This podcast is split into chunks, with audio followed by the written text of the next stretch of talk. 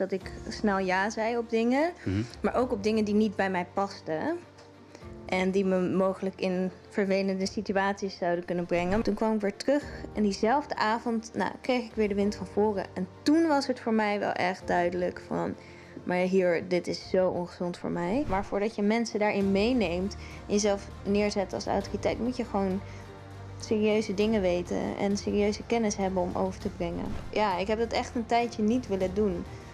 Ehm, omdat dat dus ook eh, ja, voor mij als dwang voelde. Je komt ook allemaal met die verhalen over hoe vreemdgaan je leven kan verrijken. En dan wordt dan een beetje zo dubbelzinnig geschreven. Dus je kan het multi-interpretabel. Dus je kunt of denken van, nou, ze, ze moedigen het aan. Of ze zeggen dan, als het al gebeurd is, dan zou je er dit mee kunnen doen of zo.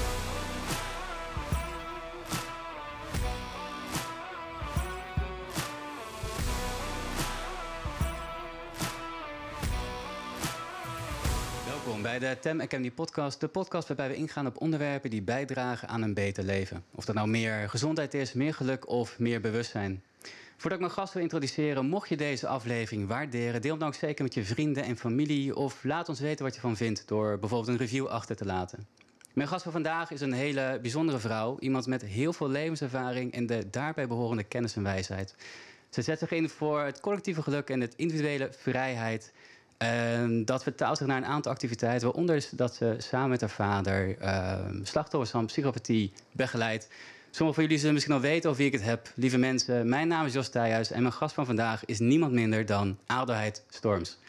Adelheid, uh, welkom. Ja, dankjewel. Eindelijk uh, is het zover. Ja. Uh, ik introduceer het net als iemand die zich dus inzet voor collectief geluk en individuele vrijheid. Ja. Um, dat klinkt heel mooi, maar wat betekent dat, dat concreet? Hoe, hoe vertaalt zich dat naar jouw dagelijkse bezigheden? Ja, uh, toen jij het aan het vertellen was, dacht ik...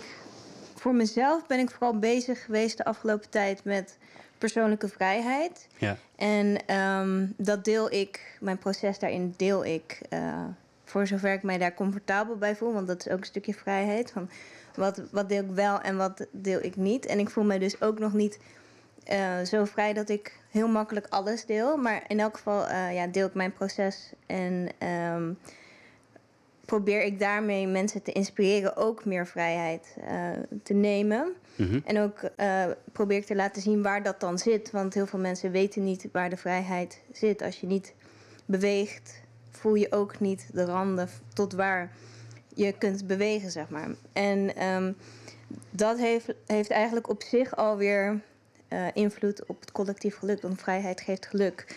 En uh, ja, dat is wat ik doe. Ik voel gewoon dat dat voor mezelf heel belangrijk is. En um, ja, ik, ik, ik vind het bizar dat er zoveel mensen ongelukkig zijn. Omdat het best wel makkelijk... Het lijkt heel moeilijk, maar als je eenmaal hebt gevonden hoe het ongeveer werkt... dan is het heel makkelijk om gelukkiger te worden.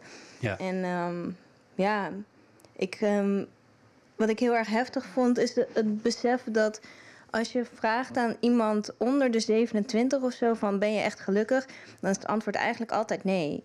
En um, dat vind ik absurd. Ja, en dan denk ik, waar zit dat dan? Dus daar hou ik mij mee bezig, onder andere. Ja, heel mooi. En de kern zit er vooral in dat je eigenlijk heel op zoek bent naar je eigen persoonlijke vrijheid, het aftasten, het bewegen daarin. Ja. En hoe, hoe, hoe werkt dat? dat zeg maar, hoe vind je dan die grens? Hoe, ga je, zoek je een bepaalde ongemak op en wil je daar dan overheen? Of ga je dat bij jezelf reflecteren? Hmm. Moeilijk. Ik denk dat ik gewoon beweeg en dan voel waar, waar wil ik meer van. Dus dingen proberen ook uh, vooral. Bijvoorbeeld ja. een van mijn laatste passies die ik ontdekt heb is uh, dansen. En ergens wist ik dat ook wel, dat dat er zat. Ik deed dat graag, maar ja, ik ben dat meer gaan doen. En uh, elke keer als ik daar vandaan kom, dan voel ik nou, zo'n vloedgolf van geluk over me heen elke keer. Dus of als ik daar ben en dan daarna, dan uh, gaat het nog even door. En dan denk ik, ja, daar moet ik meer van doen. En, uh, en dat begint dan door te proberen en dan te ervaren wat, wat voor jou eigenlijk gewoon heel goed voelt? Ja, ja, en dat is ook gewoon vooral veel ja zeggen tegen dingen waarvan je denkt, want ik ben altijd wel zo geweest dat ik snel ja zei op dingen, Mhm. maar ook op dingen die niet bij mij pasten. En die me mogelijk in vervelende situaties zouden kunnen brengen. Maar nu ehm, weet ik veel beter de situaties te herkennen die niet, sowieso al niet passen. En ehm, ja, zeg ik ja tegen dingen waar mogelijk iets leuks zit. En wat, wat wel wat iets duidelijker is of zo. Heb je een, een nieuwe manier van het bepalen wanneer je ja zegt? Eh tas je het dan af hoe dat dan voelt? Of is het gewoon ja omdat het nieuw is en, en je, je, kan dan, je kunt dan iets ervaren? Ik eh, herken in mezelf een, ja, een soort van sprankje van enthousiasme, denk ik. En als die er is, weet ik van, nou, dan moet ik in elk geval gaan onderzoeken. En eh, vaak zijn het gewoon dingen die niet te ingewikkeld zijn, maar die wij als kind gewoon deden. En dat is Ja. dan niet eh, kinderachtig doen, maar gewoon speels. Dus bijvoorbeeld een van de dingen die ik op mijn lijstje heb staan voor deze zomer, wat me heel tof lijkt, is gewoon hutten bouwen. Hoe vaak doe je dat nou als volwassene? Maar het is fantastisch om te doen. En wij associëren dat dan met kind zijn of zo, maar dit is dikke onzin. Als jij een, echt een goede hut kunt bouwen of een mooie bomen, dan is dat zo'n skill. Ja, precies. En heel veel mensen kunnen dat soort dingen niet meer. Nou, mijn moeder die kon altijd hele dingen in elkaar. Die heeft een heel Barbiehuis voor ons gebouwd. Nou, ik, ik zou dat nu niet kunnen. En dat vind ik super, super jammer. Dus dat soort gewoon basic dingen. Ja, we zijn eigenlijk, je zegt het ook net al. ehm, eigenlijk dingen die vroeger heel natuurlijk waren, zijn een beetje in de loop van de tijd eh, vergeten. Ja, En eh, eigenlijk is dat best conventioneel. Dat je. ehm, dat, dat, dat wordt soms geacht bij het volwassen worden, het ouder worden, dat je die dingen niet doet. Vandaar denk ik ook de misconceptie dat het dan als kinderachtig wordt gezien. ja, Maar er is niks mis mee. En het is juist heel goed om die speelsheid ook eh, te cultiveren. ja. Eh, al is het schommelen of zo. Dat, als je het maar goed doorvoelt. En dat, dat, maar dat, we zijn, denk ik, daar veel te serieus in geworden. Ja, en ook, ik denk dat we heel erg kijken naar wat wordt van mij verwacht. Ja, Ehm, ja inderdaad. Ja. in de pas te lopen en een soort van serieus te zijn, omdat we dat dan met volwassenheid associëren. Maar ik Ja. vind juist helemaal vrij zijn in je speelsheid en eh, avontuurlijkheid en ontdekken, dat, dat vind ik helemaal volledig in je volwassenheid staan. En eh, comfortabel in jezelf zijn. Zo comfortabel dat het je niet uitmaakt wat een ander daar misschien van Ja, vindt. ja. Ja, inderdaad. Dat is voor heel veel, denk ik, nog wel eh, een proces om daar te komen. Ja, nou, dat is voor mij ook zeker geweest. En nog steeds, ehm, ja. Er is altijd een, stem, een streng stemmetje in mijn hoofd die zegt... nou, dit is gênant. Of, eh, en in plaats van dat ik dat dan uit de weg ga... of denk, nou, dat is dan waarschijnlijk gênant, dus doe ik het niet... doe ik het wel. Ja. Dus ik ben heel erg goed geworden in door de schaamte heen bewegen... en mezelf ook te laten zien dat ik mezelf daardoorheen kan dragen. En als je dat aan jezelf laat zien, dan, nou, dan word je zo sterk... Ja, Dan weet je van. Dan weet je wat je aan jezelf hebt. En dat is zo krachtig. ja, dat kan ik me heel goed voorstellen. Weten dat je door ook moeilijke of eventueel gênante situaties... dat je gewoon goed doorheen komt. Ja. Het is buiten je comfortzone waar ook de magie ligt. Ja, en ook, weet je, ik, ik kan soms best wel om mezelf lachen als ik dan iets doe wat, wat ik dan gênant vind of zo. Ik heb een keer gehad in de supermarkt dat ik dacht dat er verkeerd iets werd aangeslagen. Ja, En dat ging, ging om eh 10 cent of zo, weet je wel. Dus dat ging helemaal nergens over. Of 20 cent, 40 cent, weet ik niet. Maar gewoon uit mijn automatisme of zo, of automaat, ik weet niet. Op dat moment gebeurde het in elk geval spontaan. Eh, want vroeger had ik daar nooit op gereageerd. Maar het gebeurde spontaan. En toen zei ik van, oh, volgens mij sla je iets verkeerds aan. Omdat het broodje leek niet op het broodje wat ik ja. dus, eh, maar uiteindelijk bleek dat dus wel goed. Maar ik maakte er best wel een punt van. En ehm, toen bleek dus dat hij toch gelijk had. En ergens schaamde ik me echt heel erg. En tegelijkertijd vond ik het ook zo grappig. En ik ben dan ook wel weer zo op het moment dat ik dat dan voor me, eh, van mezelf door heb... dat ik meteen zeg, oh sorry, mijn fout, weet je wel. Toen heb ik zo zitten lachen ook om mezelf. Het, een ander vindt dat misschien totaal niet grappig, maar in de auto daarna nog. Dat ik echt dacht, weet je, zo'n punt staan maken en dan nu me zo schamen. En het, is, het maakt niet zoveel uit of zo, weet je. Je overleeft ook die dingen wel. Terwijl ik denk dat heel veel mensen niks zouden zeggen, omdat ze eerst zeker willen weten dat ze, ehm, dat ze juist zitten of zo. En juist Hmm. ook dat fouten durven zitten, maar toch bewegen, dat is heel Ja, belangrijk, precies. denk ik. Nou, ik denk dat, het, dat die, dat het lachen om jezelf is volgens mij ook heel belangrijk. Want je- niemand is perfect en je kunt niks perfect doen. En het is juist eh, vanuit die kracht het durven om fouten te maken. En dan, als je een fout maakt, dan kun je dat gewoon toegeven. Ik bedoel, dat is ja. eigenlijk niks aan de hand. Maar we zijn misschien dat opzicht ook wel heel krampachtig geworden. En deels is natuurlijk, eh, als je opgroeit, conditionering kan ook een ding zijn. Eh, zoals je net ook zegt, is dat we ons heel kunnen reflecteren in van wat er van ons verwacht wordt. En dus dat je niet zozeer vanuit jezelf leeft, maar meer vanuit een spiegelbeeld van wat, van wat je omgeving van jou verwacht. ja. Dus ehm, ja, hoe is dat proces dan voor jou verlopen? Want ja, waar is dat dan voor jou begonnen? Om dat wel te kunnen Ja, doen. Of, precies. ehm, Want vaak is er toch een trigger. Het is niet dat je op een of andere dag misschien hebt ehm, dat je ineens de, het licht ziet. ik denk dat je ook er, aangaf dat, er nog een, dat het niet altijd even makkelijk was ook. ja, ik denk dat er een hele serie aan eh, triggers was. Ik ben, denk ik, van mezelf heel vrij. En eh, ook best wel, ik kan makkelijk kletsen en best wel op, ja, op de buitenwereld gericht kan ik zijn. En ehm, ik heb veel mensen om me heen gehad die dat niet zo zijn. En dan is dat best wel een contrast. Dus dan voelde ik mij echt daarin ook een buitenbeentje. Mm.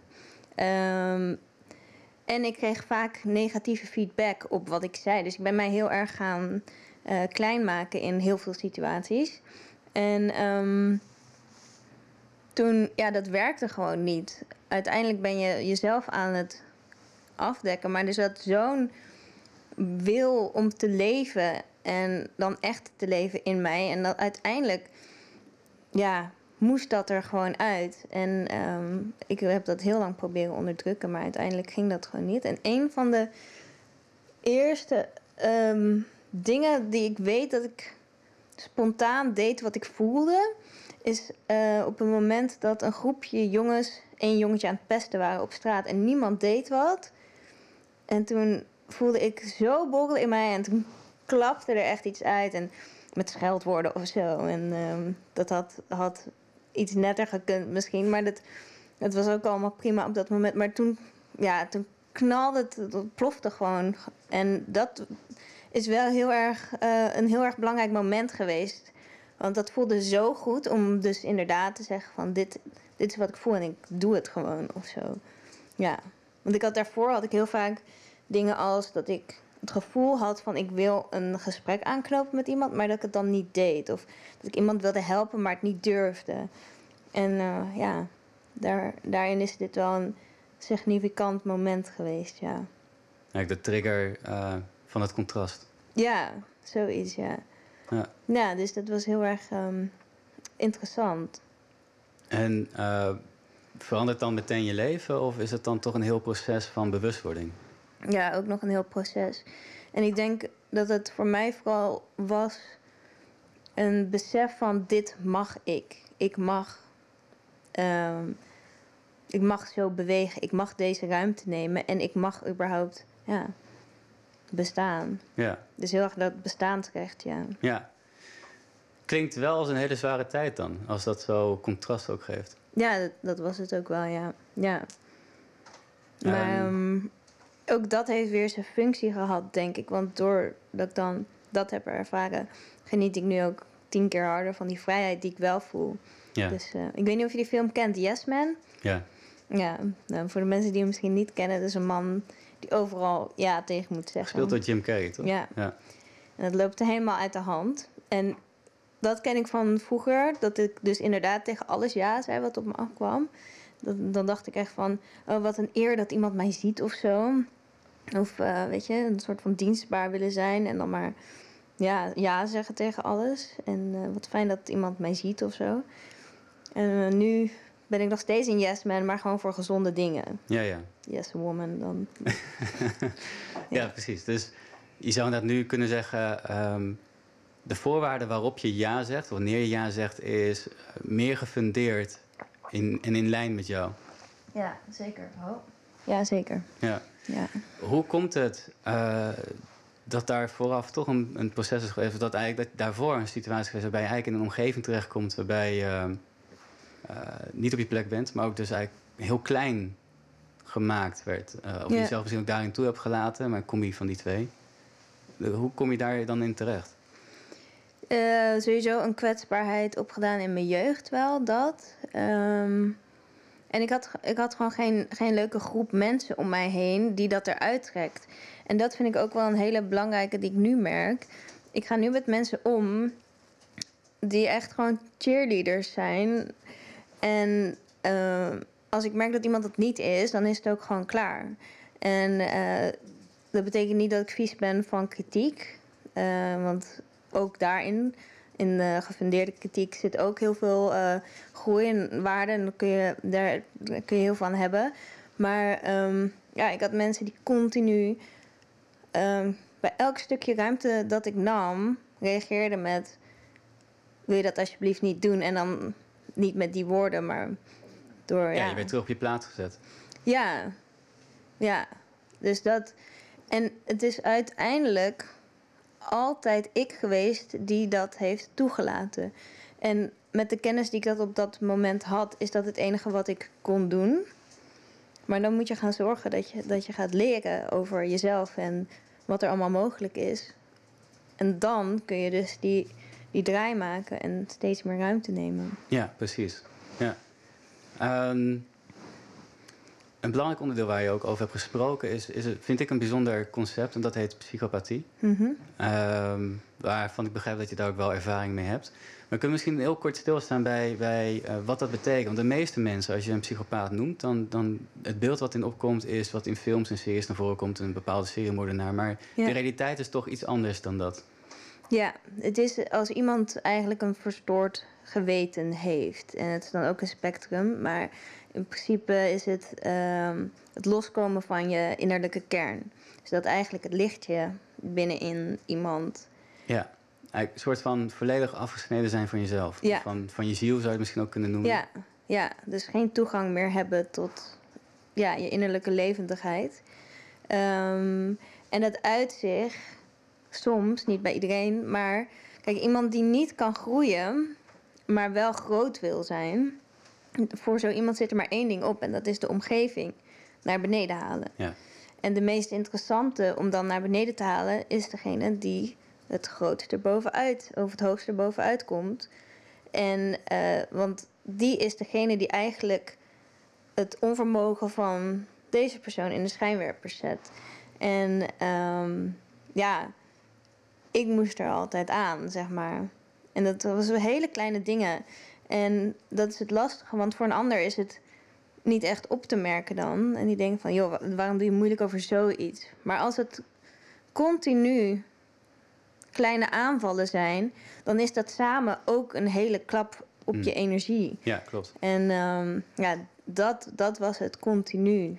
Dus dan zei ik iets en dan al bijvoorbeeld met, oh wat is dit een leuk liedje. En dan was dat geen leuk liedje. En dan een week later kwam iemand anders met dat liedje en dan was het een fantastisch, fantastisch liedje. En niemand uh, in mijn omgeving die begreep dan dat dat een, een steek naar mij, of niet, misschien niet een steek in dit geval, maar dat dat om mij te benadelen was of om, ja, toch ergens. Het is zoiets subtiels, zoiets kleins dat de, de rest ziet dat niet als uh, zodanig. Ja. ja. Of bijvoorbeeld, ik heb ook wel eens gehad dat ik iets heel spannends ging doen.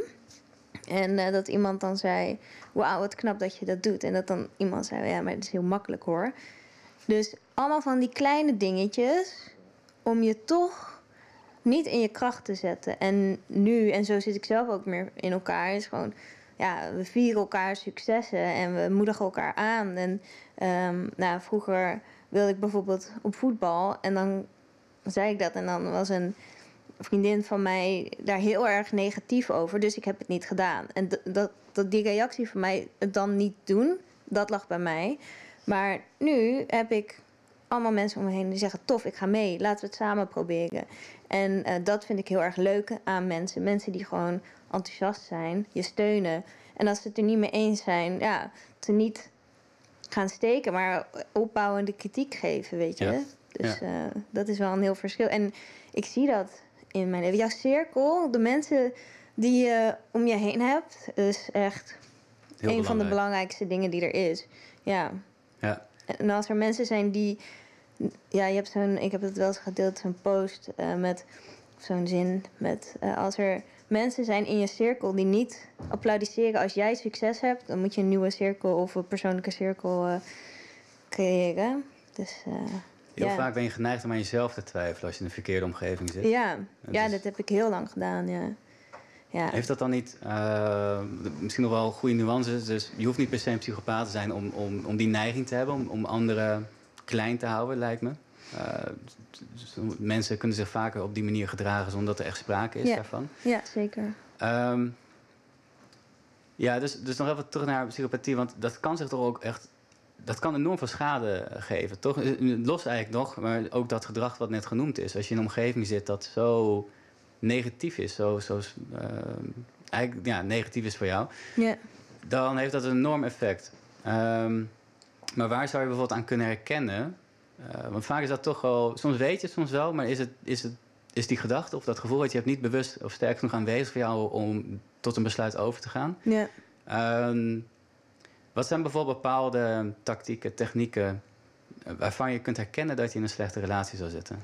Nou, wat, wat bijvoorbeeld. Uh, kijk, mijn vader heeft een boek hierover geschreven. En uh, die legt daarin allemaal um, red flags uit. Maar een red flag betekent niet per se dat je een uh, psychopaat bent. Want je nee, hebt nee. ook um, mensen die op heel veel andere manieren beschadigd zijn. En hetzelfde gedrag kunnen vertonen. Maar dat hoeft niet meteen te betekenen dat iemand ook is helemaal losgekomen van die kern. Ja. Um, maar wat mijn vader wel eens doet, is aan um, zijn cliënten, bijvoorbeeld, zijn dan slachtoffers daarvan, vragen hoe oud schat je degene nou, waar we het dan over hebben. En als jij het over iemand van 30 hebt, maar het eerste wat in jou opkomt, deze persoon is vier jaar oud, ja, dan is dat zo'n serieus verschil. En dan, um, ja, dan is, gaat het over zo'n groot, groot gat in de ontwikkeling. Dat je, want psychopathie, veel psychopaten zijn ook blijven hangen op een kindleeftijd. En um, ja, dan, dan is dat dus een manier om te toetsen bij jezelf van ja, wat, wat heb ik hier tegenover mij? Ja. En, uh, dat zou een manier dus kunnen zijn. Als je jezelf afvraagt uh, van oké, okay, hoe oud schat ik hem eigenlijk? Ja, en dan moet je meteen het eerste getal dat in je opkomt. Want dat is je intuïtie die spreekt. Ja. En daarna komen er allemaal... Ja, maar hij doet ook dit voor werk. En hij heeft wel een goede baan. En uh, weet je, dat, dat soort dingen is allemaal minder interessant. En dat betekent niet dat jouw intuïtie of oordeel daarin helemaal 100% zuiver hoeft te zijn. Maar het zegt wel wat. Als Ja. jij een relatie hebt met iemand die je vier jaar oud schat, dan heb je een probleem. Ja, Dus, dat lijkt me ehm, ook, ja. Ja, dus dan Ehm, moet je maatregelen nemen. Wat zijn dat voor maatregelen? Ja, eh, eigenlijk het enige wat je kunt doen als je met een psychopaat te maken hebt, is afstand. Eh, Ja, afstand is eigenlijk de enige optie dan. ja, tenminste, kijk, je hebt ook eh, bijvoorbeeld ouders met psychopathische kinderen. Of eh, kinderen met psychopathische ouders. Of, of oma eh, of iets. Ja, En dan, dan is dat niet mogelijk, maar dan moet je een gepaste manier. Of soms is dat wel mogelijk, maar sommige mensen willen dat niet of kunnen dat niet. En Hmm. dan moet je een gepaste manier vinden om met zulke mensen om te gaan. En op een bepaalde manier toch op afstand weten te houden. In elk geval in je hart, dat je niet kwetsbaar bent. ja. Ehm, ja. ja, dat vereist denk ik ook een bepaalde alertheid daarin. Ja, oh ja, zeker ja. Ja. En ik heb dus echt mijn hele kring losgelaten om die reden. En niet omdat het allemaal psychopaten waren, maar omdat een deel gewoon nou, zeer zwaar giftig gedrag vertoonde en het andere deel het niet zag. Ja. Ja, dus het lijkt me ook aan de kant simpel. Eh, ik, zelf vind het heel interessant om daar wel, maar ik zal er zo eh, een stukje van mij daarin delen. Omdat het wel een nut heeft om het te kunnen herkennen, om het te begrijpen dat het iets is dat gewoon bestaat. En dat Ja. toch eh, best een impact kan hebben op een samenleving. Ja. Ja. en, ehm, maar nog even terug, want zo eh, los daarvan, je hoeft niet altijd iemand te labelen als een psychopaat. Als je eh, merkt dat je in een giftige omgeving zit of giftige Ja. relatie, zou dat eigenlijk reden genoeg moeten zijn voor jou om voor jezelf te kiezen en, en dat los te laten Ja. en een kring te vinden. Of, eh, of, een nieuwe, ja, of dus de relaties op te zetten en eventueel een andere kring te vinden waarbij je wel op je plek bent. Ja. Ja. ja. Ja, dus de, de, de reden... mijn moeder heeft bijvoorbeeld ooit een psychopathische vriend gehad. En ik, destijds wist ik helemaal niet dat je, dat je dat zo zou kunnen labelen en, en wat het dan betekent als je dat labelt. Uh, later, uh, wanneer ik dus eigenlijk, uh, naar aanleiding van jouw stories op Instagram, dat je dat deelde, en later het boek van je vader, ik ben nog bezig met lezen, maar ik ben halverwege, ehm, dat het voor mij zoveel diepte gaf, gaf en, en het geeft iets concreets. want in die eerste instantie, je herkent het. Hè, wat hij bijvoorbeeld heel goed deed, nou ja, het klinkt alsof ik het waardeer als ik zeg goed, maar ik, ik vind er zit een bepaalde kunstigheid in. Mm -hmm. En ze kunnen dat heel veel aanpakken, maar uh, hij zette de hele omgeving tegen haar op. En het meest opvallende is dat iedereen die, die gelooft dat ze kunnen super overtuigd zijn. Ja. En je kunt ze ook niet meer goed bereiken dan. Je kunt ze niet van overtuigen of uitgeven van dat het misschien wel andersom zit. Want wat idee was verhalen vertellen die hij zelf had gedaan. Maar mijn moeder was eigenlijk degene die had gedaan. Dus hij, had de hoofdpersoon in het verhaal omgewisseld. Ja. En je, herkan, je herkent het gedrag. Ik, ik, uh, ik merkte ook later dat ik dan...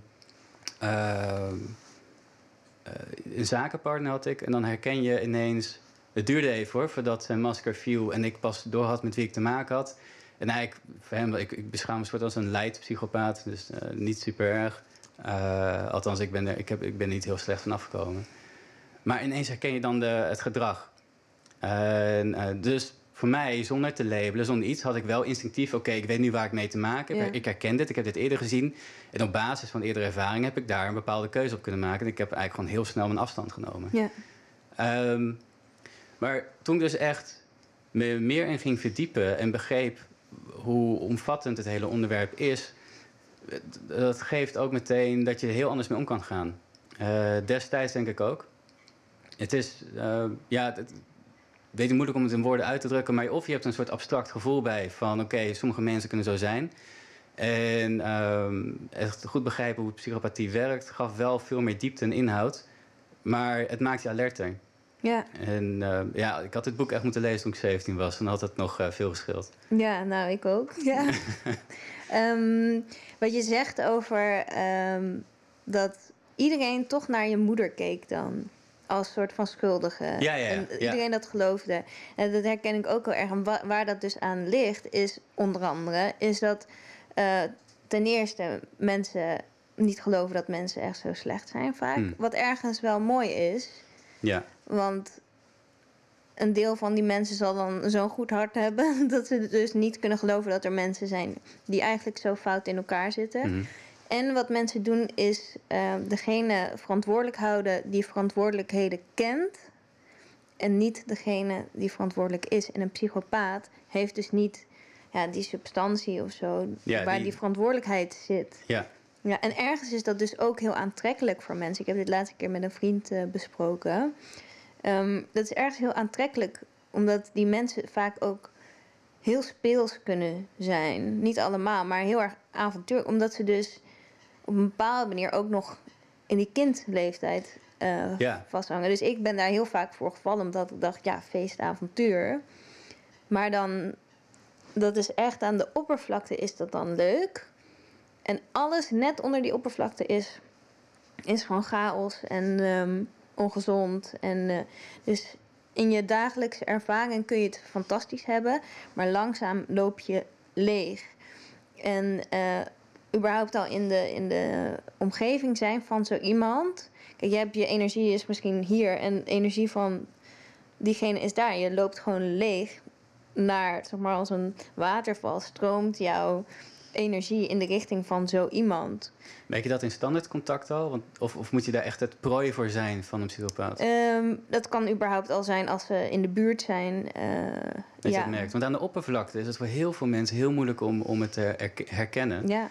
Ja. Uh, vaak omdat ze ook echt uh, ja, uitzonderlijk charmant kunnen zijn of attent. Ja. of, of, ja, echt van alles. Ze kunnen heel fijn zijn aan de oppervlakte dan, Ja. om, om bij in de buurt te zijn. Ja. En ehm, dat is, maakt het misschien ook extra lastig dat zodra jij een andere ervaring hebt en je zou dat uiten, dat jouw omgeving eigenlijk heeft, ja, maar het zal wel mee. Of uh, dat heeft hij misschien zo bedoeld. Ja, over hoe kun je zoiets slecht zeggen Ja. over zo'n fantastisch, behulpzaam, mooi iemand. Ja, dan ben jij de slechterik. Ja, en ik, dat is het, een van de grootste fouten die ik gemaakt heb. Is dat ik zo weinig vertrouwen had in mijn eigen eh, ervaring. en mijn beoordelingsvermogen dat ik uh, deelgenoten zocht. Dus dat ik een soort van ging checken bij mijn omgeving van hè, dit is er gebeurd en dat is toch niet in orde. Of ik ja, vertelde gewoon mijn ervaring. En er werd heel erg naar mij gekeken alsof ik een of andere roddelaarster was. Maar het mm. waren gewoon echt dingen die gebeurden. En ik kreeg gewoon nooit, nooit bijval. Of nooit werd er gezegd van ja, dit is inderdaad niet in orde. En ik kan me maar één keer, en ik kan, nou, als je me even de tijd geeft, wel 200 uh, eh, dingen bedenken wat er dan gebeurd is. Grote dingen, kleine dingen. Maar ik kan me één keer herinneren dat er iemand uh, het voor mij heeft opgenomen. Dus, en ja, dat blijft mij altijd bij waarschijnlijk. Maar het is dus maar één keer dat iemand heeft gezegd: hé, hey, wat, wat doe je nu eigenlijk tegen dus die hmm. mensen? En uh, ja. ja. Dat is essentieel. Of tenminste, dat kan wel heel veel uitmaken. Al, of, een, of een omgeving, hoe die ermee omgaat. Ja, ik denk als er uh, eerder tegen mij gezegd was door mensen in die omgeving. En de, ja, moet ik zeggen trouwens, want er waren wel mensen buiten die kring die tegen mij zeiden van... inderdaad, ik, dit is zo raar, wat doe je met die mensen? Hm. Maar het was binnen die kring werd dat allemaal uh, ja, genegeerd. Ja. En uh, helpt het dan dat die mensen die buiten de kring om dat dan aangeven? Geeft dat dan genoeg kracht dat je ook hebt van... nou, ik moet het per direct veranderen? Uiteindelijk heeft dat wel geholpen in het loslaten van... Maar ik was gewoon zo loyaal naar. Ja. Weet je, voor, dat is het lastige. De liefde van. Er is niks mis met de liefde van mij naar hun toe. Alleen de liefde andersom klopt niet. Ja. En uh, ik heb heel erg gezeten op, nou, die liefde van mij die stroomt wel hun kant op. En dat helemaal, nou ja, een soort van de leiding laten nemen. En helemaal niet gekeken naar, ja, wat, wat krijg ik terug en wat brengt het mij? En ook niet weten dat er iets anders bestaat. Hè?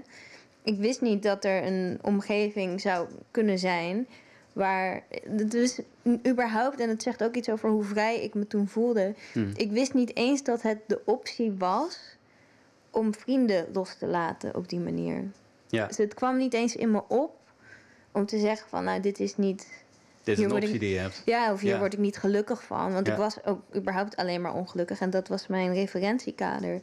Dus uh, ja. Vanuit zo'n toestand, als je zo ongelukkig bent... dan kan het ook heel goed zijn dat je hem niet beseft, toch? Dat je eigenlijk heel ongelukkig bent. Ja, ook je, ook je ervaringsvermogen wordt vlak. Zeker als je heel lang in zo'n omgeving zit... Um, ik, ik weet niet of het een goede vergelijking is, maar vergelijk een beetje als je een tijdje terug bent van vakantie, dat je heel moeilijk weer kunt voorstellen hoe het was om de zon en alles te zien. Mm, uh, zodra je lang genoeg in de omgeving blijft, dan wordt dat zo erg een realiteit dat je heel moeilijk kunt voorstellen hoe het buiten de realiteit nog is. Ja, en dat is trouwens wel ook een uh, belangrijk moment geweest. Ik ben naar Amerika gegaan voor een maand. En uh, ik was daar bij een vriendin die dus niet dit gedrag vertoonde. Hmm. En uh, toen kwam ik weer terug. En diezelfde avond nou, kreeg ik weer de wind van voren. En toen was het voor mij wel echt duidelijk van... Maar hier, dit is zo ongezond voor mij. En toen heeft het nog even geduurd. ik heb niet meteen geluisterd naar, mijn, naar de informatie die ik voelde. En toen zijn er nog meer dingen gebeurd. En toen ben ik zo... Toen, ik was toen ook burn-out. En dat was ik al een tijdje. Maar uh, toen was ik zo aan het einde van mijn energie dat ik het echt heb moet, moeten loslaten om te overleven. Zo voelde dat wel echt voor mij, ja. ja dat je eigenlijk gewoon geen kans meer op kan. Ja, ik was, ik was leeg. Ik was, er was bijna niks meer van me over. En dat zie je ook bij de cliënten die bij mijn vader komen. Die mensen zijn helemaal leeggezogen in energie, maar vaak ook financieel. En alles leidt daaronder. Ze worden volledig leeggetrokken. Ja. ja, die financiën herken ik ook. Van je ehm, situatie met je moeder dan ook, ja. Of met... Oh, zakenpartner ook, was ook een financieel iets. Ja. Uh, maar bij mijn moeder ook financieel, uh, als ik het goed herinner, een tijdje terug ook. Uh, ik herken dat trouwens wel heel erg. Dus, dus ik heb een paar gezien in de omgeving, maar er is eentje die mij echt had uitgekozen. En, en gelukkig is dat, dat had echt heel erg verkeerd af kunnen lopen. En dan had het vijf levens volledig verwoest. Mm. Uh, maar eigenlijk nog net op tijd dat ik dan toch inzag dat er iets niet goed ging. Ik had een heel de ziekte van vijver. Dus zoals in mijn ervaring was het dat mijn gedachteprocessen gewoon niet goed wilden doorlopen. Alsof er gewoon een zwarte blubber in je hoofd zit. En, um, dus ik, ik vond. En, er was dus een, een, een, man die ik leerde kennen via, via. En ik besefte achteraf dat de ingang die hij kon vinden was omdat. eh, zeg maar, ik heb wel goed contact met mijn vader, maar er is een periode geweest dat, ik, eh, ja, dat hij niet een, een sterk aanwezige betrokkenheid had in mijn leven. En ik merkte achteraf dat dat zijn ingang was. Dus dat je toch, daar werd ik wel door bewust van, maar pas nadat het afgelopen was, dat je toch een soort van gevoeligheid hebt naar een bepaalde vaderfiguur. Ja. En dus wel in het begin heb je dan goed contact. En langzamerhand, ehm, hele kleine dingen, subtiele dingen. Dat een maanden daarna dat ik een soort oh ja moment had. Oh, dat, zo heeft hij het gedaan. Van die Mhm. subtiele manipulaties. Ja. En, en bepaalde knopjes indrukken, bepaalde dingen zeggen. Om je toch langzamerhand onzekerder te krijgen Ja. en afhankelijker te maken. Ja. En ik bedacht me op een bepaald moment van ja, ik, alsof heel mijn wereldbeeld begon om hem heen te draaien. Eh, echt alles. En, en ik bedacht me ook op een bepaald moment van ja, dit, dit- een soort observatie dat dat zo is. Maar dat was nog niet gekoppeld aan een actie. Als in, dit is ongezond. Dit, Ja. dit hoort niet. Dit, hier moet ik Ja. iets aan doen. En ik, had toen, eh, want ik zat toen op de middelbare school. En een klasgenootje, een vriend van mij... die zei op een gegeven moment... je hebt het wel vaak over hem. Maar omdat hij ook een zorgelijke toon erbij had... dacht ik, had, ja, eigenlijk is het niet goed. Ja. En dat was eigenlijk het begin van het einde. Oké. En eh, op een bepaald moment dat, ehm, dat hij een bepaald voorstel deed.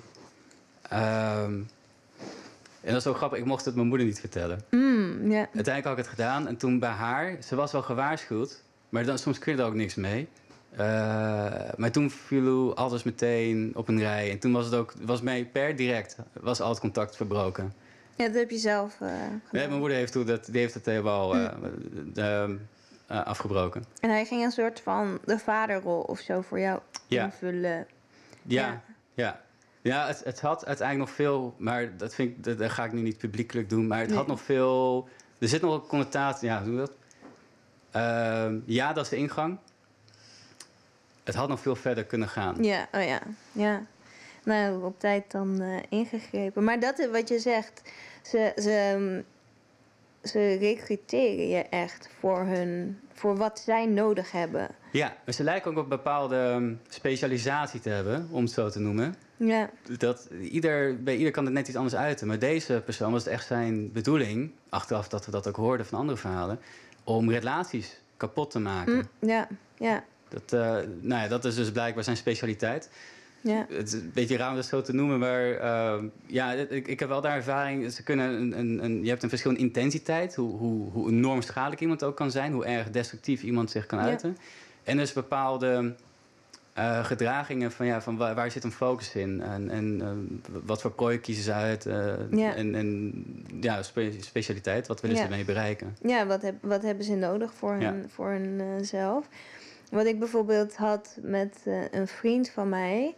ehm, ik had hem en ik was ook altijd heel open, dus ik vertelde heel erg ook wat mijn kwetsbaarheden waren. Dat is heel, heel dom eigenlijk, maar ja, achteraf. Ja, ik vind dat. Ja, ik, ik snap dat je dat zegt.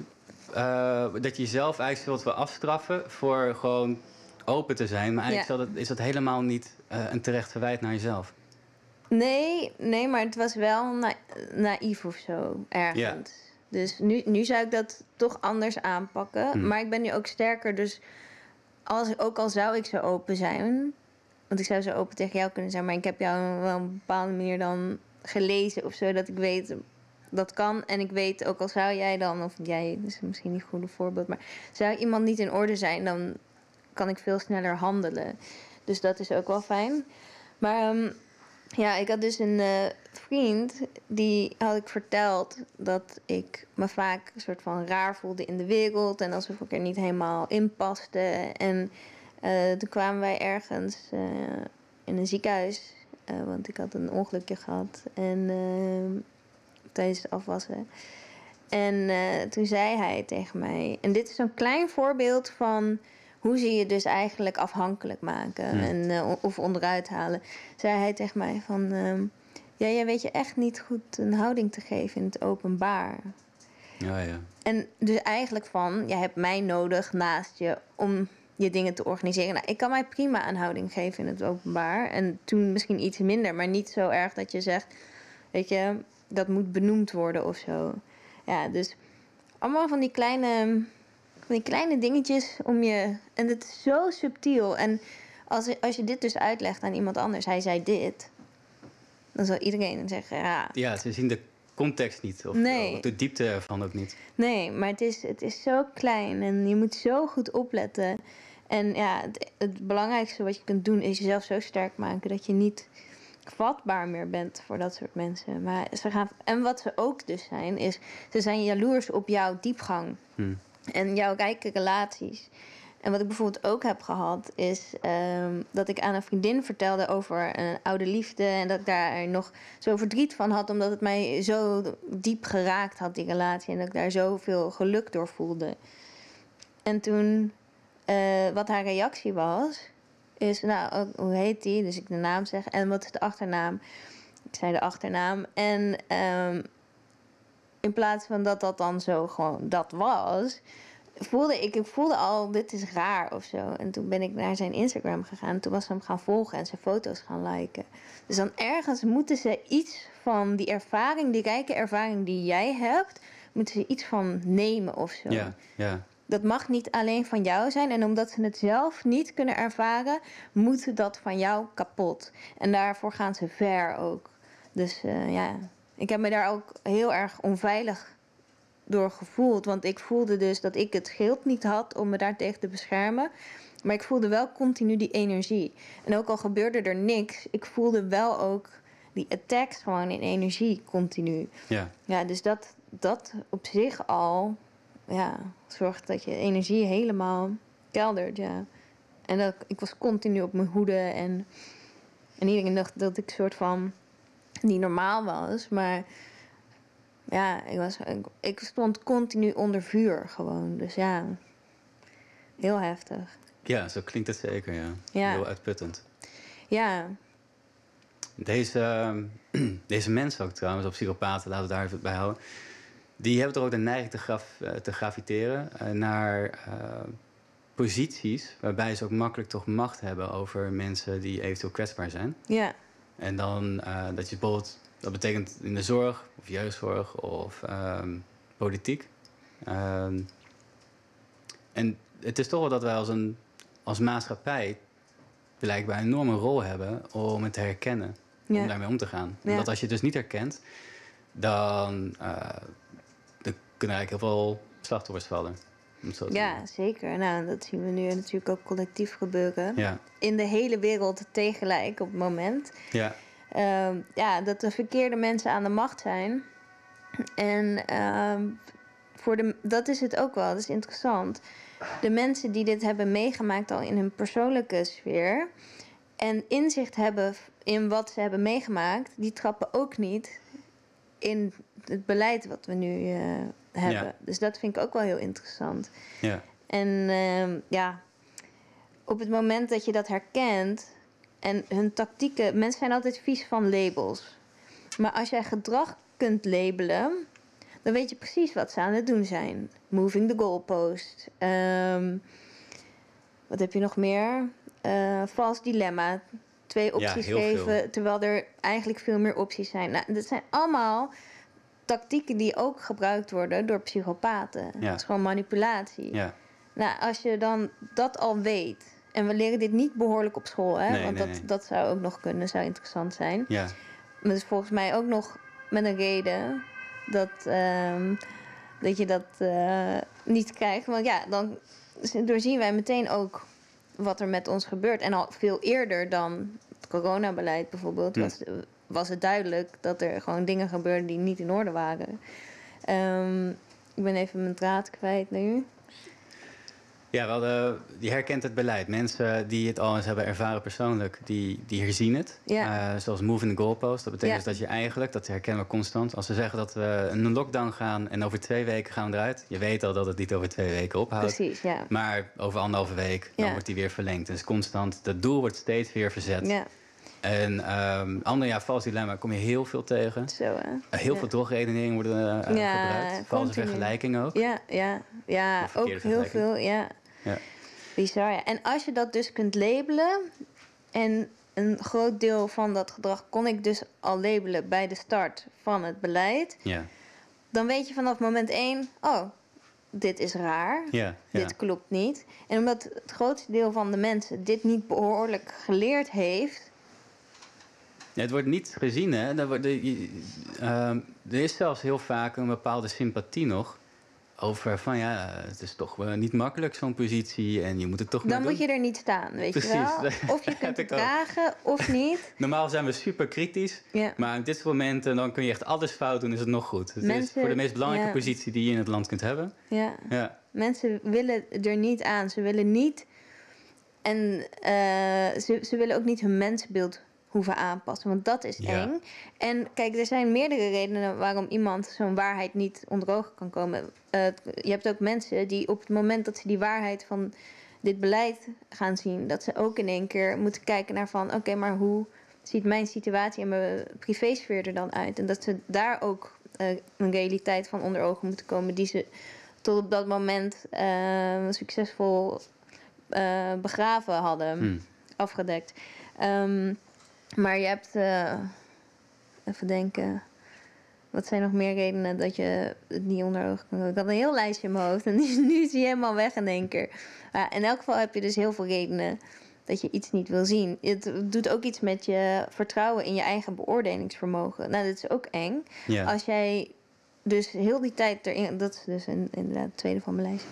Uh, als jij heel lang hebt geloofd in een bepaalde realiteit en het tegenovergestelde blijkt waar te zijn. Nou, dat geeft een hele klap in je vertrouwen, in, in, jezelf en hoe jij de wereld beleeft en hoe je jezelf ook door deze wereld heen kunt dragen. En dat zorgt er ook dus weer voor, inzicht in hoe dat dan werkt, dat ik ook zachtheid voel naar de mensen die het niet kunnen zien. En je hebt heel veel mensen die heel boos zijn en denk ja, eh, het is ook eng. Ik vond het ook doodeng om eerst die switch te maken van, oh, de wereld is toch anders dan ik dacht dat die was. En mijn omgeving is toch minder lief dan ik hoopte dat ze waren. En weet je, dat, dat vraagt heel veel moed. En uh, ja, dus geduld en zachtheid ook naar die mensen. Ja. ja. We staan daar misschien nog wel op, op de vooravond ervan, dat, dat mensen toch tot dat inzicht komen. Hoe kunnen we daar dan uh, het best mee omgaan? Je noemt al zachtheid. Ja, zachtheid. En inderdaad helpen de mensen. Je kunt wel iemand gaan overtuigen van iets. Maar als iemand het fundament niet heeft om die waarheid aan te kunnen nemen, dan, kun, dan is dat alleen maar ook een energielek voor degene die probeert te overtuigen. Maar ook voor degene die dat ontvangt. Is keihard geweld aandoen aan iemand die iets niet kan dragen. En um, nu heb ik dat in het begin ook nog wel geprobeerd hoor. Bij de verkeerde mensen toch iemand proberen ja, iets te laten inzien waar iemand gewoon helemaal niet klaar voor is. En wat je dan wel kunt doen, is mensen helpen hun fundamenten sterken. Hoe doe je dat? Uh, nou, bijvoorbeeld meditatie, goed voor jezelf zorgen. Uh, kijken naar wat, wat heb ik op dit moment nodig om ja, mezelf goed te verzorgen. En dat is voor verschillende mensen verschillend iets.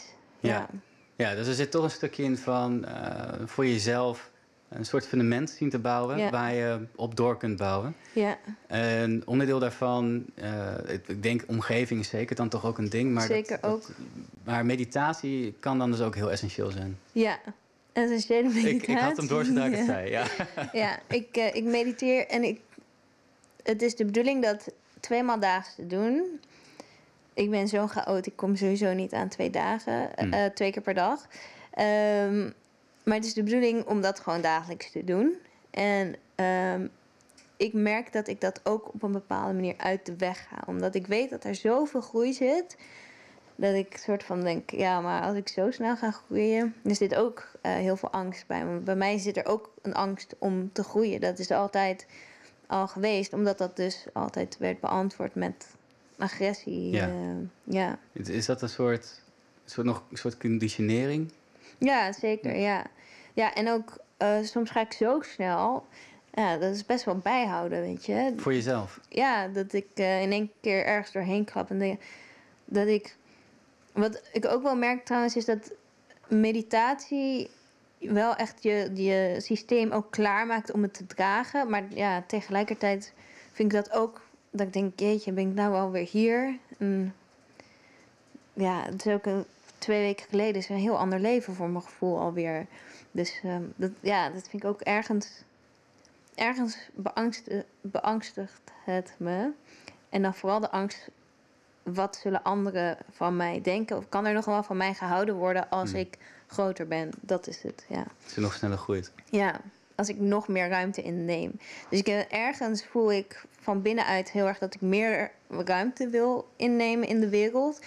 En het is niet, eh, ja, gewoon de ruimte die bij mij hoort, dat is het. Ja, meer je- hoef ik niet, minder ook niet. Maar Eigenlijk om gewoon volledig je eigen zijn te zijn. ja, ja. Jezelf. Dus En- die wens zit er heel erg.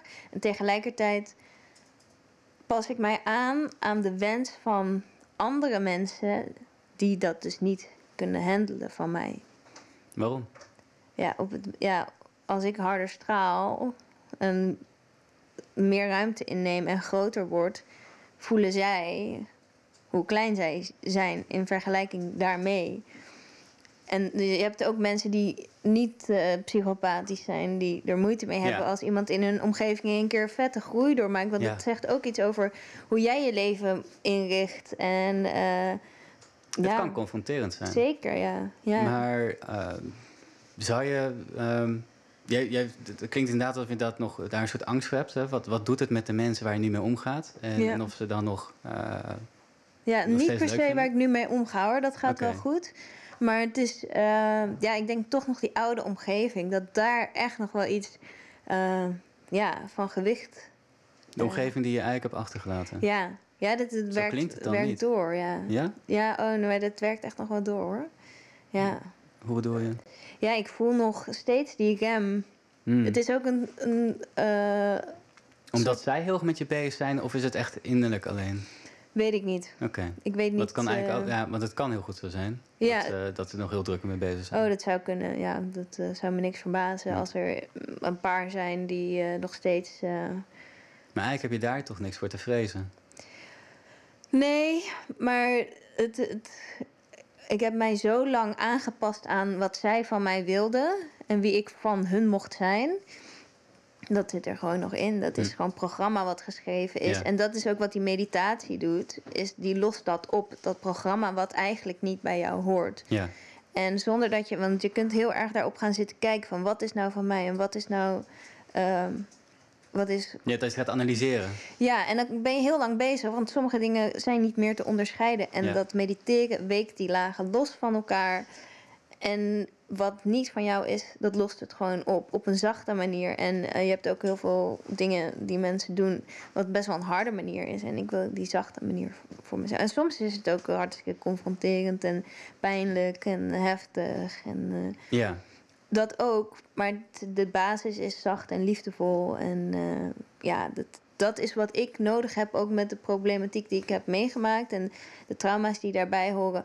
Is zachtheid, is het tegenovergestelde van wat ik heb meegemaakt en wat ik gemist heb. Dus dan kan ik wel naar ja, heftige sessies of weet je, heftige dingen. en klap op je systeem. Maar ik, Ik heb kan me niet voorstellen dat het goed is voor je. Nee. Wie je ook bent. Nee, ja, ik kan me indenken dat spannende dingen je soms ergens doorheen kunnen slaan of zo. Ehm, maar ik denk die basis is zachtheid. Ook als je kijkt naar ouderschap. Wat, wat heb je in ouderschap nodig? Dat is zachtheid en liefde. Ja. En die zachte, zachtheid is ook liefde. Tenminste, misschien Ja. niet alle zachtheid, maar ehm, ja. Ja, je hebt soms de termen van een soort van strenge liefde, maar het is een verkeerd woord, denk ik. ja. Je kunt soms, tenminste, volgens mij, uh, de Dalai Lama zei het ooit. Je kunt, je kunt soms boos doen terwijl je niet boos bent. Omdat het dan blijkbaar moet je een boodschap overbrengen. Ja, ik- destijds dacht ik dat mijn natuurkunde leren daar eigenlijk eh, die boeddhist was, dat hij daar misschien wel wat aan had. Want hij probeerde ten alle tijde niet boos te zijn. Hm. Eh, maar volgens mij hield, hij daar een burn-out aan over. ja, ja. Nee, oké, maar in een algemene zin, eh, ja, ik denk dat liefde en zachtheid wel eh één in samen gaan. Ja, ja, zeker. Ja. En dat is uiteindelijk waar je dat fundament, ook in kinderen, je kan wel hard zijn. En ik moet zeggen, ik ben op een bepaalde manier ook, kan ik wel hard, of direct zijn. En soms ook wel hard, of duid, te duidelijk voor sommige mensen. Maar er zit wel altijd ook zachtheid liefde. onder. Ja, ja, ja. ja. Ja, ja. en nee, dat is ook ook niet dus net ook een beetje probeerde te verwoorden. Ja, tough love. Ja. Ja, maar ja, Ja. ik voel die ook wel. Maar dat is het ook wel. Voor mensen is het vaak heel moeilijk om te, te weten wat liefde is en wat liefdevol is. Omdat er zoveel zooi om ons heen is. En ook vaak opvoeding en zo bij mensen. Ja. Dat, dat ze denken dat iets liefde is, maar dat het dan dat niet is. Ja. ja, als je het niet herkent. Ja, dan wordt het Dat ingewikkeld. is interessant. Hoe zou het komen dat we... Nou, misschien komen we daar zo nog op terug, maar ik stel toch nog de vraag... hoe zou het komen dat we dan eigenlijk zo verward zijn geraakt... dat we het niet herkennen of gewoon niet weten wat wat is? Ja, omdat het overal om je heen een soort van verdraaide vorm van liefde wordt laten zien. Ook in eh, liedjes en ehm, in, in eh, films en zo. Het is allemaal zo'n verwrongen beeld van wat liefde is. Ja, En dan, eh, als we dan iets voelen in onszelf van, oh, volgens mij is dit het en je dra- draagt dat uit naar de wereld, dan wordt dat afgestraft en dan word je weer terug in line geslagen, zeg maar. Dus eh, ja, er is zo weinig, er is zoveel liefde, maar we mogen het niet herkennen. Dat is het, denk ik. ja. Ja, Er wordt ons bewust eigenlijk een beeld voorgehouden dat niet klopt. ja, ja. Ja. ja. Continu. En ja, in, in liedjes heb je dat dus ook heel erg. En dat er ook geen geluk te vinden is waar dat wel te vinden is. En dan, ja, als dat is wat je continu op je afkrijgt, dan is dat wat, wat je beeld gaat vormen. En Ja. dan is het nog ja, moeilijk om die kern dat te laten overstemmen. Ja, Ja, ja het is. ehm, wat misschien een heel sterk contrast geeft, is als je bijvoorbeeld heel veel eh, muziek luistert, eh, dat, dat, dat het bijvoorbeeld heel gaat op hele oppervlakkige zaken, dus eh, geld, eh, auto's, eh, vrouwen. ehm, dat ehm, door bij mensen, wat je ook tot je neemt, qua informatie, qua emotie, dat, dat, dat, dat heeft überhaupt altijd effect. ja, ja alles heeft Ja. effect Ja. ja. daarin. Ja, en ook bijvoorbeeld als ik kijk naar de, de standaard Hollywood-sterren en zo. ehm, dan is een soort van Jay-Z en Beyoncé is dan het showbiz-koppel of zo. Of eerst Kanye en Kim Kardashian. En dat is dan ons beeld van wat het dan zou moeten zijn. Nou, de liefdeloosheid straalt er vanaf. En ook die Kardashian-clan. Ik heb er er wel eens iets van gezien. Hm. Nou ja, die Kim Kardashian spoort absoluut niet hoe zij met haar zussen omgaat. Kan wel wat eh, red flags afstreven, zeg maar.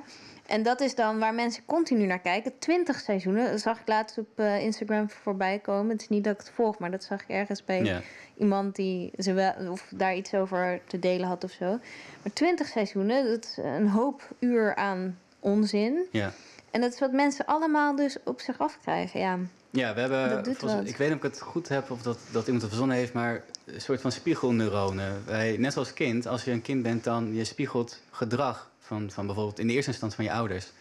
Ehm, dat hebben wij nog steeds. Als wij naar een film kijken en je kijkt naar bepaalde sociale situaties, dan heeft dat onbewust, of je nou bewust bent van of niet, heeft dat een effect op jou, op hoe je in die situatie denkt, hoe je zou moeten handelen. ja, Dus als je heel kijkt naar romantische films, wat natuurlijk een heel eh, categorie op zichzelf is, ja. dan, eh, dan programmeert het eigenlijk als het ware hoe eh, man en een vrouw eigenlijk samen zouden moeten gaan Ja. en zouden moeten daten of iets in het hele proces. Terwijl heel veel romantische films, eigenlijk elke film, zijn vaak natuurlijk geschreven door het ego voor het ego. Er zit heel veel drama in. ja. Want anders zou het zogenaamd niet leuk zijn om het te kijken. En volgens mij is het zelfs toen de film net uitkwam, dan hadden ze speciaal nog films gemaakt voor de jongeren in Amerika. Dan kon je dat in de eh, bioscoop zien. eh, met de normen hoe je moest daten. Mm. Dus eigenlijk van het begin van film is het al gebruikt om. Ja, je zou het informeren kunnen noemen. Maar dat kun je nu veel meer eh, terecht programmeren noemen. ja. Uh, waarbij ja, je dus, ehm, ja, dus, dus- waarbij je eigenlijk geleerd wordt, en misschien niet altijd even bewust, want sommige zijn- mensen zijn zo onderdeel van het systeem dat, dat je denkt, dit is gewoon hoe we het doen. Maar waar het uiteindelijk in resulteert, is een soort van, ja, dat je van jezelf af komt te staan. Dat Ja. je denkt hoe dingen werken, puur op basis van wat eigenlijk een valse media is. Ja, ja nou zeker, helemaal. Ja. In de roos, ja. En eh, ja, in eerste instantie moet je daar bewust van zijn. Want het, zijn natuurlijk, eh, het zijn scripts, er is over nagedacht. Ja, Wat heel vaak gebeurt. ehm, jij noemde laatst ook Modern Family. ja. Dat vond ik grappig. Ik vond dat een- altijd een, groot, een leuke serie om te kijken. Ja, fantastisch. Ik heb alle, alle afleveringen, ik denk wel een paar keer gezien ook. Dus, Ja, ja, ik ook. Alleen het laatste seizoen iets minder. Maar toen Ja. haakte ik al een beetje af. Maar wat je dan herkent is dat situaties op zo'n manier gevormd worden dat jij kunt erom lachen, maar als je die situatie in het echte leven zou meemaken, zou het helemaal Ja. geen leuke situatie Ja. zijn. Dan zit je eigenlijk in een verknipte relatie. Ja. Maar ja, dat herken ik ook heel erg van bijvoorbeeld Friends. Die mensen liegen continu tegen elkaar. Ja. En als je dat daarnaar kijkt en ziet van, nou, dit is normaal met dan ga, zeg maar, als je continu dat ziet als een normale situatie en inderdaad een leuke situatie, want je krijgt er een leuk gevoel bij, een Ja, ja. positief gevoel, ehm, dan op het moment dat je dat in het echte leven tegenkomt, dan krijg je niet een gevoel van, nou, wat is dit nou? Want je hebt het al zo vaak, je wordt er ongevoelig voor. Ja. Ja. En eh, nou, dat is ook wat ik heel erg merkte in mijn vriendschappen en zo. Er continu word je onderuit gehaald of eh, gelogen en van alles.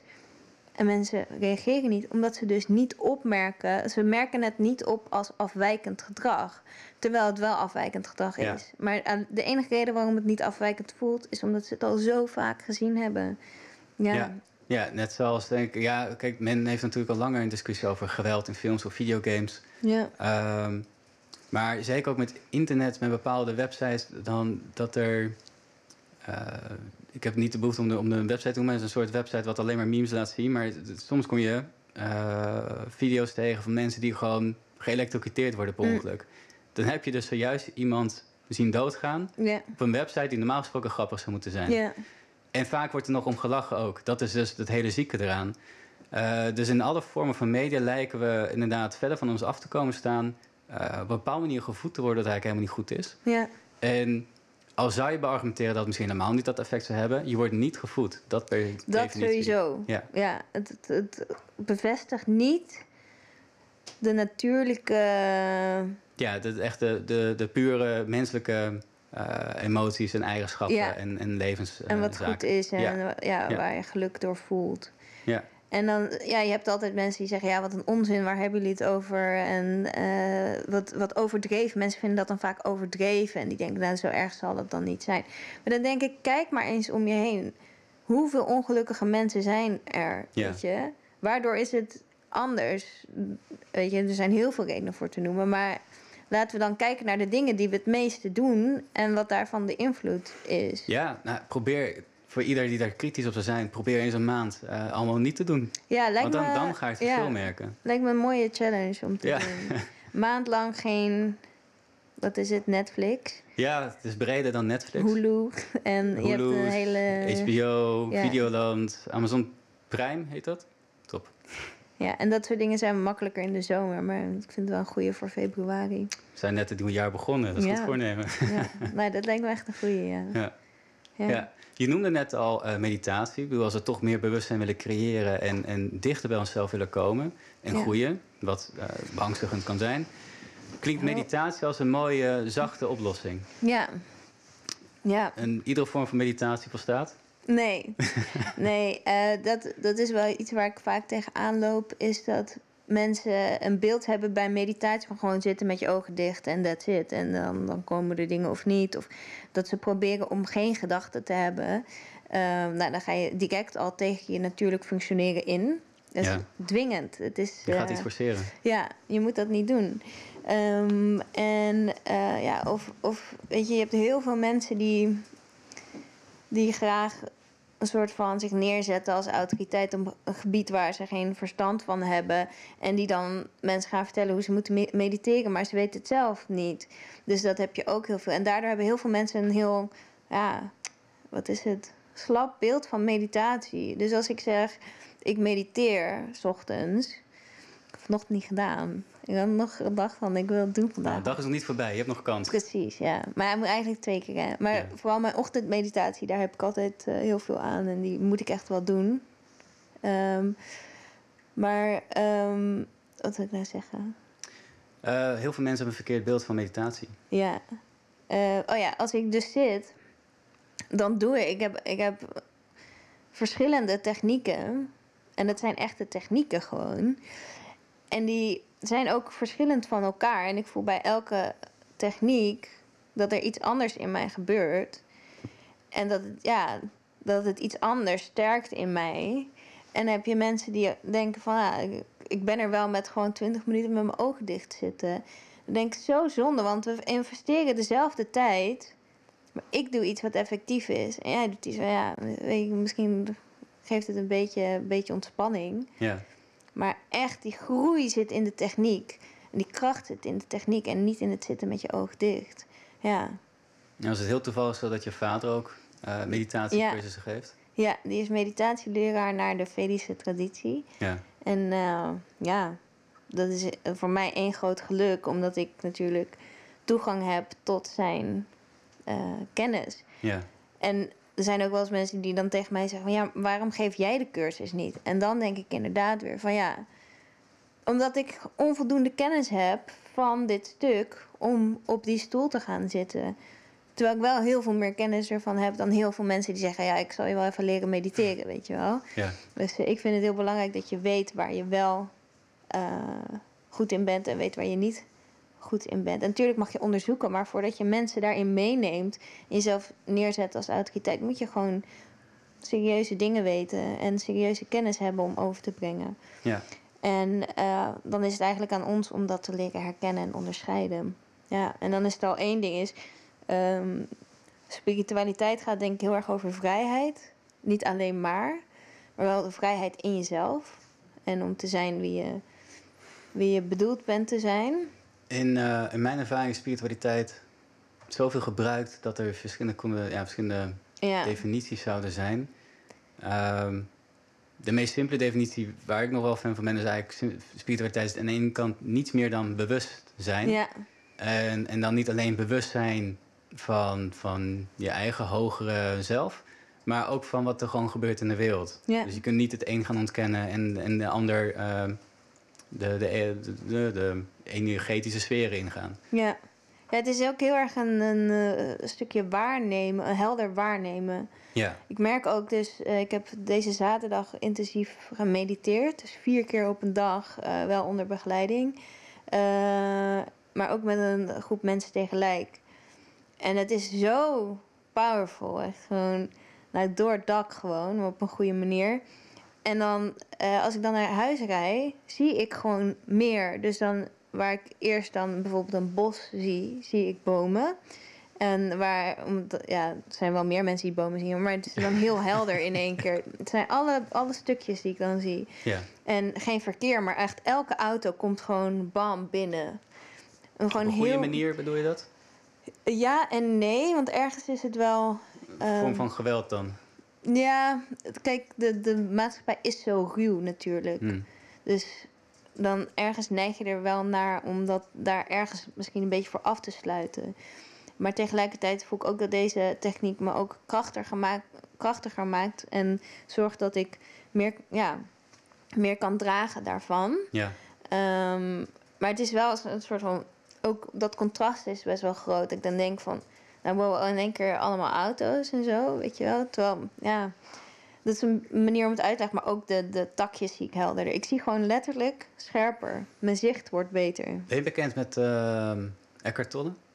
Ja, Maar dat is wat ik herken in je woorden. oké. Ehm, hij legt inderdaad uit dat, dat we zien dingen niet zoals ze zijn. Er is een mentale label dat er eh, tussenin zit, een Ja. soort denkfilter. Dus je ziet niet een boom, ja, niet de boom zoals die is. Je, je, je denkt dat je een boom ziet, omdat je hem Ja. ook labelt als een boom. Als je in een park zit, tenminste dat is een voorbeeld die hij was me geven, dat je in een park zit en dan komt een hond voorbij.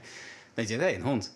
En als je echt hondenkenner bent, dan kun je misschien ah, een labrador. Ja. Dat is een soort mentaal proces dat er afloopt. ja. En, maar als je dat denken kunt uitzetten, dat je dus de hond ziet zoals hij is, dus dat je hem ziet lopen en je observeert alleen maar dat hij voorbij loopt. Dat herken ik dus in ieder geval in jouw woorden. Ik weet niet of, of, of je dat zelf ook zo, zo ziet. Ik weet het niet zo goed. Ik heb met eh, altijd een beetje slecht eh, ja, beeld bij Eckhart Tolle. En dat Hmm. komt vooral doordat heel veel mensen die hem aandragen of zijn kennis aandragen, eh, dat zijn kennis niet juist, of, of, het, of zijn kennis slaat nergens op, of mensen weten het niet te interpreteren en in te zetten. Eén van de twee. Dus Ah, ja. dat merk ik vaak. En heel vaak wordt het gebruikt om te manipuleren. Dus bijvoorbeeld, ja, weet je, eh, jij ziet hier wel een hond, maar is dat wel zo? Dat Dus om een beetje te gaslighten. Ja, gaslight is ook een goede techniek van psychopaten. Ja, ja. en, maar dat is ook, ik heb Eckhart Tolle daar op de een of andere manier zo boeken vaak... gelezen? Of? Ik heb het geprobeerd, ik kwam er niet doorheen. Ja. Ik dacht, oh, oh, dus dit is bij mij gedaan. Oh, en dat is bij mij gedaan. Dus als in tactiek of... ehm, Oh, echt als, als informatie uit het boek gebruikt als Ja. bij jou. Een Ja, ja, ja, heel mensen die semi-spiritueel doen. Ja, en dan, die komen altijd met eh, ook Eckhart Tolle van dan... En dan, ja, maar dit is gisteren gebeurd en eh, ik leef in het nu. Dus weet je, dus echt ja, dat gaslight... Maar dat herken ik dus heel ja. erg. Dat, ehm, ik heb hem jaren geleden gelezen toen ik op vakantie was. Ik merkte wel, ik, ik, moest, ik had pauzes nodig. Ik-. Het is niet een boek dat ik in ieder geval in één keer uitlees. Of las toen. Ehm, en ik dacht, ik had wel de indruk dat ik de, de wijsheid die achter de woorden verscholen lag... dat daar ik daarmee in aanraking kwam. Dat ik Ja. die indruk kon ik wel oppakken. Ja. En ik heb me sindsdien altijd verbaasd wanneer ik iemand sprak. En één iemand had hem in een paar uur uitgelezen, maar ik heb niemand meer er ooit over gehoord. Eh, er komt ook niemand in mij naar boven. Niemand ooit meer erover gehoord die het begreep, zoals ik het had Ja. begrepen. Dus dat was al, en dan krijg je dus dat, dat beetje de spirituele bullshit Ja. van dat je je ergens druk om maakt. Eh, trouwens, daar er zit wel een kwestie in, maar dan krijg je, je hebt niks aan dat advies. Dan zeg je ja, maar ben in het nu. Ja, het moet niet gebruikt, het moet niet ingezet worden als eh, manier om dingen die aandacht moeten krijgen uit de weg te gaan en dat soort dingen. Ja. Ja. Ik, ik heb wel eens gehad dat iemand zei van. eh, en ik weet dan niet per se of dit Eckhart Tolle is hoor, maar dat is wel mijn associatie bij hetzelfde idee. Nou, het is een beetje hetzelfde idee. Zei iemand, ja, ehm, ik ben niet. ehm, als ik niet doe of ik ben vreemd gegaan, dan ben ik ook niet vreemd gegaan. En dat was niet naar mij maar was in de omgeving. Maar als eh, jullie nu doen alsof ik ben vreemd gegaan, dan ben ik door jullie vreemd gegaan. Dus ja, weet je, zo kun je alles kapot denken. Ja, ja dan eh, raak je ook een, stil, een deel van de realiteit denk ik ook kwijt. Dat is het, ja. En ik, dat is wat ik heel erg veel gezien heb bij eh nou, Tolle Oké, hype of zo. Ja. Dat mensen dus dat helemaal in gaan zetten om hun eigen tekortkomingen te ja, dat is wel interessant. verdoezelen. Want ik denk in de essentie zit er wel wat in, maar dat is mijn ervaring. Ja. Eh, maar ik herken wel wat jij zegt in, bij, bij andere mensen die ik erover heb gesproken. ja, en weet je, je kan wel alleen maar in het nu leven, maar je hebt wel verantwoordelijkheden in de toekomst. En je verleden is, weet je, en ik heb het nou niet zo diep gelezen dat ik weet Nee, van... in het boek komt dat heel goed naar voren. Oké. Dat, ehm, je, hebt, je, je kunt gewoon praktisch bezig zijn. Als je dingen moet voorbereiden, moet je dingen voorbereiden. Ja. Maar het punt is dat de meeste mensen... die maken zich eh, eh, psychisch angstig eh, over iets wat in de toekomst Ja, ligt. Er is ja. altijd een kloof tussen waar ze nu zijn en, en de toekomst. En, en die kloof zorgt voor, voor, dat, voor de, de, stress. ja, En je kunt prima voor de toekomst voorbereiden... maar dat doe je toch nu. De toekomst wordt nu gemaakt en het verleden was ooit in het nu. Dus Moet daar dan een heel boek over geschreven worden? blijkbaar, want het wordt nog steeds niet begrepen. Ja. Nou ja, en eh, dan had hij een nog langer boek mogen schrijven. Ja, Of, nou, eh, wat is het? Vier boeken of zo zijn oh, er al uit. vier boeken, ja. ja. Ja, nee, en eh, ja, typisch is dat. Maar ik heb dan ook- liever een techniek, en dat is die techniek die mijn vader onderwijst, Ja, die jou eh, zoveel fundament geeft dat je gewoon je stress voor de toekomst.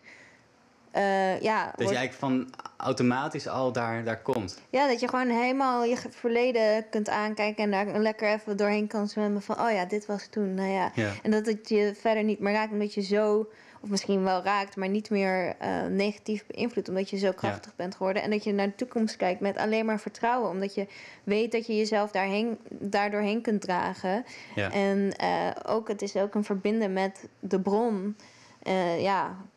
ja, bron van, van, van wat heb ik? Ja, het God gewoon. Ja, het bron van, Alles. van alles. Ja, En ehm, ja, daar ook een vertrouwen. Dat is ook je, je verbindt je ook daar mee door deze techniek te beoefenen. En dus het heeft mij zoveel vertrouwen gegeven. En ook, ehm, het maakt ook dat je dat dus ook helderder ziet. Die communicatie vanuit, ja, wat is het? De bron, eh, God, liefde. Er zijn verschillende mensen die hebben daar verschillende woorden voor. Maar Mhm. ehm, ja, gewoon een helderder ja, weten ja. je wordt fijngevoeliger. Ja, onderscheidingsvermogen wordt gescherpt. Ja. Ja. Ja, dus dat zal dan, en dat, dat moet je dan als het goed is in alles merken. Of het nou Ja. eh, een, een beleid is waarbij bepaalde manipulatietechnieken worden gebruikt. En Ja. eh, eigenlijk nog veel meer, maar eh, in ieder geval sowieso de manipulatietechnieken. Ja. Ehm, als de media, of het nou tv, Netflix of wat dan Ja, ook, dat je merkt dat, dat, dat je er eigenlijk op achteruit gaat qua energie dan erop vooruit gaat. Ja, ik heb dat pas later die link kunnen leggen. Maar ik, in één keer kon ik gewoon Netflix niet meer kijken. En er zijn heel veel mensen die dan zeggen... ja, je bent te gevoelig geworden of zo. Of je dat, dat, Ik hoor dat ook vaak, ja, dat, dat dan... alsof het iets slechts is. Dat jij te zwak bent Ja, geworden of dat. zo. Maar dat is het niet. Ik kan gewoon voelen wat het doet veel scherper. En ik moet dat niet hebben. Ja. Er was ook een vriendin die tegen mij zei van... je moet ook niet zorgen dat je niks meer kan hebben. Uh, ik zou het... Ja, ik weet niet. Ja, maar ja, klopt niet ik zie dat ook niet ik gebeuren. voel. Nee, ik, ik moet het gewoon niet meer. Net als dat ik niet meer naar de McDonald's wil. En ehm, ja, weet je, en ook bij mensen voel je gewoon, oh, jij, niet gewoon Ja, uit mijn, eh, uit mijn aura. eigenlijk krijg je gewoon een veel helderder kompas voor je ja, leven. zeker, ja. En ook met muziek. Muziek die ik eerst nog wel trok, dat ik gewoon echt niet meer kan horen. Ja, Dat je gewoon, leeg. Ja, dat ik gewoon problemen hoor bij iemand die het gemaakt heeft of zo. Ja. Ja. En dat is bij mij nog veel sterker geworden door het mediteren. Dat weet ik gewoon, dat voel ik gewoon, ja. ja, die ervaring heb ik ook. Ja. Niet, denk, ik ik weet niet of het heel sterk is, maar ik merk wel... eh, Een aantal maanden terug ben ik gestopt met Netflix kijken. Oh ja. Ik merkte dat ik al een heel lange periode heel kritisch was op het selecteren. Ik wilde geen series meer doen. Ik vond dat altijd Ja. emotioneel, dat je te veel moest investeren. Ja, En, eh, en dan was je heel op zoek naar een film waarvan ik had... oké, dit kan misschien nog iets zijn. ja, En uiteindelijk eh, stopte ik er maar gewoon mee. ja. Ehm de Cinetree heb je dan nog als op, op, optie. Daar zitten wel films bij. Want daar zit natuurlijk ook iets in. Ehm, je hebt ook gewoon films die gewoon heel goed kunnen zijn. ja. Die je aan het denken zetten. Of die, ehm, die in ieder geval iets, iets van waarde geven. Iets van inzicht. Het feit blijft wel, als het bijvoorbeeld een ontroerende film is. eh, dan, dan heb je natuurlijk een bepaalde emotie die, die je dan kunt oppakken ja. die je niet per se had hoeven te beleven. Want het heeft niet zoveel met je leven te maken. Maar ik, weet, ik ben daar nog niet over uit persoonlijk. Of, of je dat dan ook niet zou moeten willen. Ik weet het Of ook dat het niet. dan voorlopig nog oké is. Het, het- Ja. ik vind wel dat het meer voedt. Ik vind het fijn dat het, ehm, het stimuleert je. Ja, En, en je kunt over dingen nadenken. en het ehm, vult ook ja, echt. Ja. ja. Ja. dat heb ik ook, ja. Er is één film, eh, Another Year heet het. Staat hij er nu op? Ja, ja eh, sinds een paar weken denk ik. Oké. Maar die vond ik wel heel leuk omdat het zo saai was. Is het dat stel die... ja, een soort gewoon een gelukkig getrouwd stel. Niks aan de hand. Alleen ja, ze hebben vrienden die, die eh, wat minder gelukkig zijn. Dus het levert wel wat grappige tafereelen op. Maar het punt is, je, je identificeert je altijd onbewust met een personage in een serie Ja. of film. En degene hoe die dingen doet, dat reflecteert terug naar in jouw denken. Dus, je, ehm, dus in dit geval vond ik het heel fijn en doorschreven dat je gewoon een gelukkig getrouwd stel hebt die eh, met humor door het leven gaan. ja. En het is zo, zo rustig. En dat, ik vond dat wel echt heel chill. Een soort contrast ook ten opzichte van de standaardfilms die je, die je ja. ziet. Ja, had je niet dat je ook nog even moest aanpassen? Dat je eerst dacht van, jezus, dat gaat dit traag? Uh, ik denk... het, de- volgens mij ook, duurde even dat ik door had dat, ik naar, dat het een, een compilatie van heel jaar ging worden. Dus Oké, maar niet per se dan- bij deze film bedoel ik. Bij überhaupt de, films van Cinetree in vergelijking met de films van Netflix. Dat het gewoon echt nou, langzaam gaat of zo. Wat, wat ja, ik waardeer. hebben wel maar- veel meer in opbouw. Ja, Ja. en Netflix zegt tjak tjak. Ja, ja klopt. Alle maar dat is alles. uit. Eh, Ja.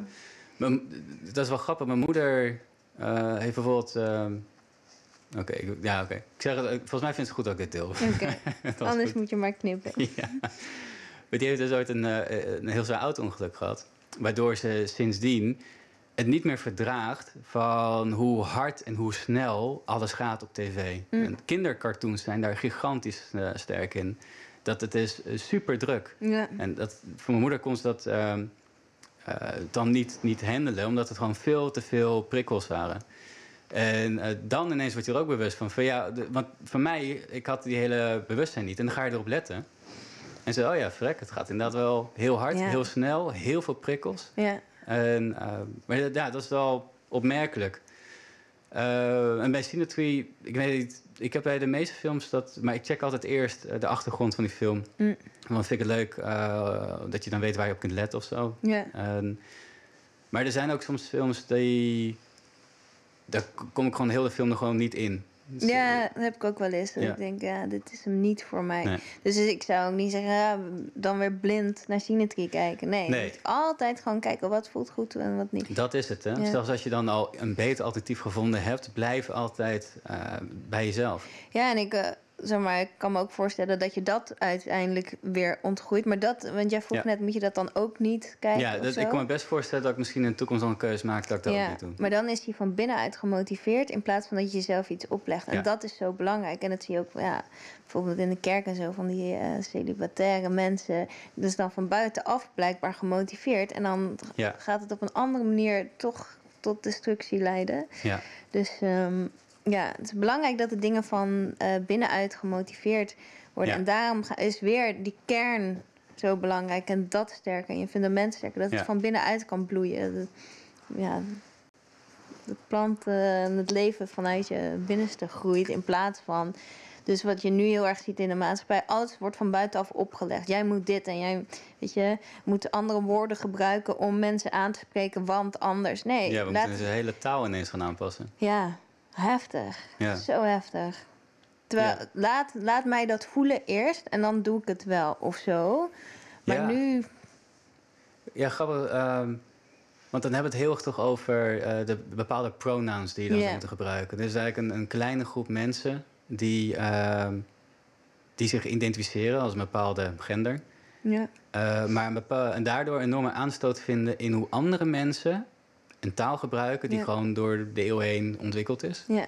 En ik merkte wel, want het is eigenlijk niet eens zo heel lang. Hè? Het is echt een, een, een, een movement dat tenminste sinds een paar jaar ineens heel veel tractie krijgt. Ja. Uh, en, en als je geen media eh, of weinig media meekrijgt, dus denk weinig tijdschriften, weinig gangbare dingen doorneemt, dan krijg je er heel weinig van mee en ineens is het er.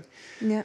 Uh, want ik heb wel de indruk dat er heel veel via bijvoorbeeld tijdschriften ook daarover geschreven wordt en gedeeld. Ja. En uh, misschien ook bepaalde krantartikelen. Um, tijdschriften is trouwens ook zo'n ding wat, wat ik me echt over heb verbaasd. Soms aan de onderwerpen die geschreven wordt. Ja. Maar daar kom ik misschien zo nog een stukje op terug. Ja. Uh, ja, ben ik even mijn eigen trein kwijt. ja, ik moet mijn been af en toe hebben. Ja, dat is wel. Ik zit zelf ook... Uh... Helemaal opgevouwen. ja. Uh, wat ik ook lastig vind aan tijdschriften, is dat ze twintig verschillende boodschappen en zeg maar in één verhaal, in één boekje kunnen hebben. Dus uh, dan ergens zeggen ze, je moet blij zijn met hoe je eruit ziet. Volgende bladzijde is je, je moet afvallen en zo doe je dat. En dan denk ik, joh, toch maar zoveel verschillende boodschappen. Denk ik, ga gewoon ergens voor staan. Ja, dat is het. Ja. Uh, wat me heel opviel is een soort waardeverloedering. Uh, wat, wat je al jaren ziet is... Oh ja, ik weet ook weer waar we net waren. Uh, maar dat je... Er wordt ineens gepropageerd dat het prima is om vreemd te gaan.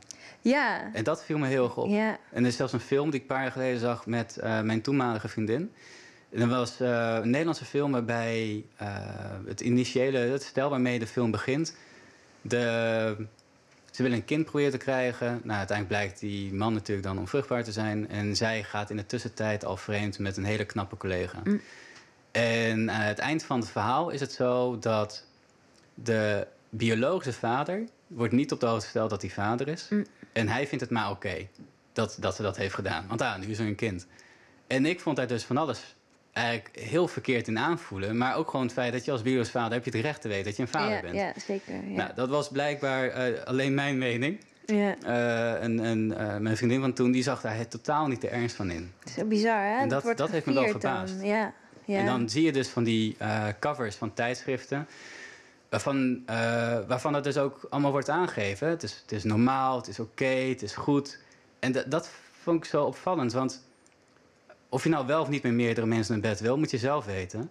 En als je in een soort open relatie zit, dan, dan, dan heb je daar in, in een overeenstemming. Maar het punt is, is dat je het met elkaar afspreekt. Dat er is een respect daarin. Dat je het respect naar elkaar er ook. Ja, en hoe spreek je dat af? Spreek je dat af eh, tot in totale openheid? Of is het ook weer een, een trucje dat je zegt, nou, als jij mij dit laat doen, dan hou, jij mij meer, uh, hou je meer van mij. En dat is ook nog een hele goede vraag, ja. Dus dat is, uh, ik zei het gisteren ook met Jorn. Um, de meeste mensen kunnen nog geen één relatie um, dragen. Laat staan dat ze er twee of meerdere Ja. kunnen dragen. En ook, eh, dat voorbeeld gaf ik ook aan van die eh, tijdschriften. Eh, er is zo'n tijdschrift Bedrock of zo heet het, Bedrock Magazine. Oké. Die komt ook allemaal met die verhalen over hoe vreemdgaan je leven kan verrijken. En dan wordt dan een beetje zo dubbelzinnig geschreven. Dus je kan het multi-interpretabel. Dus je kunt of denken van, nou, ze, ze moedigen het aan. Of ze zeggen dan, als het al gebeurd is, dan zou je er dit mee kunnen doen of zo. Of dan zou je het op deze manier, je, zou je er toch nog iets aan kunnen hebben of zo. Ja. Maar het, het wordt echt wel gepromoot voor mij. ja, moet je nagaan dan wat voor effect dat eigenlijk heeft op, op Ja. gezinnen. Ja, zeker. En inderdaad, eh, ook niet alleen eh, mensen zonder kinderen lezen zoiets, ook al is het misschien daarvoor geschreven, maar ook mensen met kinderen. Ja, ja. De meeste mensen zouden dat echt niet in goede banen kunnen leiden dan. En die kinderen merken dat echt wel op, ook in energie, wat gebeurt er. En eh, ja, Ja, nee, de kinderen, zonder misschien dat we het altijd even goed in woorden zouden kunnen uitleggen, zijn, best, zijn juist heel fijngevoelig. Dat Ja, wat we zeker. door de jaren heen dus ongevoelig in worden gemaakt. ja, Kinderen hebben dat nog. ja, En die merken veel meer. Want dat, dat is me ook altijd opgevallen eh, toen mijn ouders gingen scheiden. Van, ah, dat kinderen kunnen tegen een stootje. ja, En ik ben daar niet mee eens.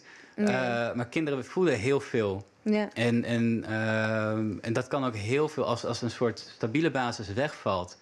En, en je merkt ook dat je ouders helemaal niet goed in een vel zitten. Dat Ja. kan zoveel eh, onzekerheid geven ja. waar je dan in zit.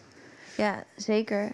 Eh, kinderen uiten dat niet, maar ze, er gebeurt heel veel van binnen. Ik bedoel, Ja, het en is niet dat, dat blijft ook zitten. Ja, en het is niet voor niets dat alle volwassenen die je tegenkomt, hebben wel ergens een trauma zitten. En dan zeggen we, ja, maar kinderen zijn toch flexibel? Ja, hoe dan? Ja, ja, in één zin zijn het, maar het is niet alsof het dan geen effect is. Ze, be- ze bewegen wel mee, maar van binnen Ja, gaat er wel van alles kapot. ja klopt. Dus eh, Ja. ja. super schadelijk natuurlijk. Vaak komt het natuurlijk pas jaren later echt dat het zich gaat manifesteren in, in Ja. gedrag en problemen. Ja, Maar ja, dat bewijst alleen maar dat, eh, ook al lijkt het kind vrolijk en, en speels, wat, wat, maar er is wel iets dan gaande. Ja. En het heeft gewoon zijn effect gehad. het is ook heel interessant om te kijken. En ik zou mijn kind daar nooit voor inzetten. Maar eh, hoe een kind reageert op iemand. Ik heb meerdere malen kinderen bij mensen uit de... Gewoon kinderen van iemand anders ook bij iemand uit de armen gepakt. Omdat ze totaal overstuur raken. En er is een verschil tussen huilen en een beetje jammeren en iets nodig hebben. Hmm. En overstuur raken van iemand. Nou, ik heb meerdere malen dus ja, gewoon kinderen ergens uit de handen gepakt. En dan werd het weer rustig. Dan weet je gewoon van, joh, dat is iets niet, niet in orde. Ja. Het hoeft niet altijd zo te zijn. Ik wil niet zeggen dat het altijd zo. Maar het is interessant om te zien hoe kinderen reageren op bepaald iemand. Maar ook op eh, een vriendin van mij postte het laatst dat haar kind eh, blijer werd van als zij eh, vrolijke kleuren aandeed. Nee, ik zit nu in zwart. Maar ja, Ja. dat is ook allemaal. eh, ja, kinderen zien dat. En Ja. zwart is inderdaad ook echt geen goede kleur. Of het is niet eens een kleur, maar ja, het Ja. is heel, heel, ja. ja, en dat opzicht kunnen we er altijd nog wel wat van leren. Zeker, ja. ja. Je noemde eerder dat je heel erg je in het proces zit van je eigen ruimte innemen. Ehm, ik bedacht me later, misschien kun je dat nog eens toelichten, wat dat dan betekent. Het lijkt me niet dat je dan. Het, het, het kan misschien zo opgevat worden dat je dan op tafel gaat staan en zingen. Dan neem je de volledige ruimte in van, Ja. eh, van, van de kamer bijvoorbeeld. Maar dat is het niet. Niet per se. Het kan zomaar zijn dat ik dat een keer voel en dat ga doen. Maar het Ja. is eh, voelen, dit, dit zou ik eigenlijk wel willen doen. Ja. Eigenlijk ongelimiteerd voelen in, in, in jezelf dan. Ja, en, eh, maar ook die toegang tot wat daarin zit, die is ook beperkt natuurlijk. Dus ehm, ik voel nu veel duidelijker wat, wat ik wil dan een jaar geleden. Ja. En sommige ideeën wist ik niet eens dat ze überhaupt voor mij beschikbaar waren als daar mag ik bewegen. En ehm, ja, daar mag ik bewegen, daar zeg ik het al. Het is toch ergens dat ik die toestemming eh, toch dat dat erin zit, dat ik het gevoel heb dat ik toestemming nodig heb. Maar mag bewegen van mezelf en van de natuur, dat, dat is het. Natuur is de baas. Ja. En daar luister ik nu naar. Ja. En niet meer naar iets anders. Want je kan wel naar andere dingen gaan zitten luisteren, maar uiteindelijk, de natuur is in, in controle en die zal ook hè, reageren op wat jij doet. Ja, en als dat iets is wat er tegen ingaat of tegen jouw natuur ingaat, dan, dan moet je de consequenties uh, onder ogen komen. Ja. ja. Uh, toen ik net mijn, mijn gedachten kwijtraakte, zaten we daar dan een stukje van. van de, er is eigenlijk een relatief kleine groep mensen die uh, eisen dat anderen hun taalgebruik oh, ja. aanpassen. Ja. En mijn opvatting, dat vond ik altijd opvallend. Want het is één ding om. Je, bedoel, je kunt, je, voor jezelf mag je bepalen wat je wil. Maar het wordt anders als jij anderen gaat bepalen hoe zij moeten leven. Want daar zit een grens. Ja. En het lijkt alsof het nu heel erg uh, gepropageerd wordt. Dat, dat we daarin meegaan. Hè? Want dan ben je solidair. Of. Dan ben je een heel, heel lief mens. Als je daar bewust van bent. Maar mij doet het dan toch denken aan bijvoorbeeld George eh, Orwell's 1984, waarbij we taal gaan veranderen. En daar, dan, is het toch, dan wordt het toch ineens word je dan alert. En zeker omdat er een soort schuldgevoel wordt aangepraat. Waardoor mhm. je eigenlijk dan meegaat met de rest. En daar zit dan toch ook volgens mij een red flag in. Ja, zeker. Ja. Een schuldgevoel is sowieso... Op het moment dat iemand jou een schuldgevoel probeert aan te praten... weet je van... Iemand wil op een bepaalde manier controle over mij. Tenzij het terecht is, hè. Net als met gaslighting. Mhm. Als, het, als het waar is, is het geen gaslighting, nee, nee. weet je. Dus uh, mensen willen dat dan ook heel makkelijk over alles zeggen. Meteen, oh, dus gaslighting. Maar als het klopt, dan is dat het natuurlijk niet. Ja. Maar um, ja, en sowieso, wat het ook doet, die hele taal aanpassen, is de uitdaging bij de mensen die dat willen weghalen. Want blijkbaar worden zij getriggerd. Mm -hmm. En in plaats van dat zij dat leren dragen of daardoor heen werken, moet iedereen zich aanpassen. Ja, daar zit de crux. Dan ga je, dan ga je nooit groeien. Nee als, als je niks meer hoeft te leren, want iedereen lost het al voor je op, dan ja, ga je je eigen groei uit de weg. Ik had toevallig gisteren iemand uh, in mijn DM die daar iets over zei. Van, uh, had ik iets gepost over doula's. Hm. Uh, je weet wat het is? Ja. ja. Um, sommige mensen weten het niet. Maar, nou, misschien um, voor de luisteraars. Oh ja. ja, dat is een soort van. Ja, is het een vroedvrouw? Weet ik niet. Een begeleider bij de be be bevalling. Ja. een beetje een natuurlijke voor natuurlijk proces en natuurlijk bevalling dan ook. Ja, en um, daar, daar had dan had ik er iets over gedeeld en daar stond dan voor een uh, vrije bevalling of zo voor de vrouw. Toen kreeg ik iemand in mijn DM die zei: Ja, maar waarom staat daar niet personen? Want transgenders en non-binaire mensen kunnen ook zwanger worden. En toen heb ik gereageerd met: Ik doe niet mee aan die onzin. Yeah. Zoiets. Maar ja, dit was iemand die zelf uh, non-binair was. Okay. Die tegenover mij zat. Toen heb ik ook gewoon uitgelegd: ja, weet je, ik vind jou geen onzin, maar ik vind het wel onzin om mijn taal aan te passen op jouw gevoelens. Ik heb uh, zelfs smetvrees. Mm -hmm. um, en dat is een uiting van een gebrek aan controle te hebben gehad in mijn eigen leven. En dan ging ik dat dan in kleine dingetjes zoeken. Dus, uh, en ook een soort van ja, vies voelen van de energie van anderen misschien. Of ik weet niet precies wat dat is. Maar ik kon heel erg veel mijn handen wassen. En weet je, voor mij is dat wat er gebeurt met die taal is hetzelfde als dat ik aan iedereen ga vragen om zijn handen twintig keer te wassen, omdat dat mij beter uitkomt. En omdat ik dan niet word geconfronteerd met het ongemak van ik vind dingen vies. Dat is trouwens exact een situatie waar we afgelopen jaar denk ik in hebben gezeten. Omdat ik, nou, ik, ik doe even naar de ik-persoon verwijzen. Maar omdat ik bijvoorbeeld bang ben om naar buiten te gaan, om ziek te worden van een bepaald virus, eis ik dat iedereen zich laat injecteren, ja. zodat ik me veilig van naar buiten gaan. Ja. En, en men, dan heb ik, ja, als je bang bent om naar buiten te gaan, bedoel, dan maak je een ander verantwoordelijk ja. voor jouw leven. En die hele verantwoordelijkheid kan ik niet dragen, wil ik niet dragen. En je kunt van de trap vallen, je kunt uh, aangereden worden buiten. Dat is heel veel. Als je zo Ja. bang bent om, uh, om niet te leven, blijf dan thuis. Ja, ja zeker. En ik, ik heb uh, zelf uh, angstproblematiek gehad. Mhm. Er zijn heel veel dingen waar ik bang voor ben, of waar ik bang voor ben geweest. Dat vooral, waar ik bang voor ben geweest. En uh, ja, ik had ook kunnen zeggen, jongens, allemaal. Weet je, je hebt ook mensen met, wat is het, agorafobie, geloof ik, pleinvrees. Pleinvrees? Ja, Oké. bang zijn om naar buiten te gaan. Volgens mij is het de angst om uh, naar buiten te gaan. Ja. Of misschien is het zelfs op drukke pleinen te zijn, ik weet het niet. Maar uh, weet je, die mensen gaan ook niet zeggen van... jongens, ik ben hier bang voor. Dus iedereen moet altijd binnen blijven. Ja. Ze hebben het zelfs gehad trouwens. Een tijdje terug in Engeland is er een vrouw om het leven gekomen. Volgens mij zelfs tijdens de avondklok die daarop zat. Mhm. En die is door een man eh, ja, omgebracht. En toen had er iemand in de politiek eh, daar, had het, een vrouw, had het over een curfew Ja. voor mannen. Zodat de vrouwen s'avonds veilig over straat konden. Ja. Ja. dat is toch een hele rare manier van denken. Dat is het einde ook zoek. Ja, ja precies. Eh, dat is ook interessant.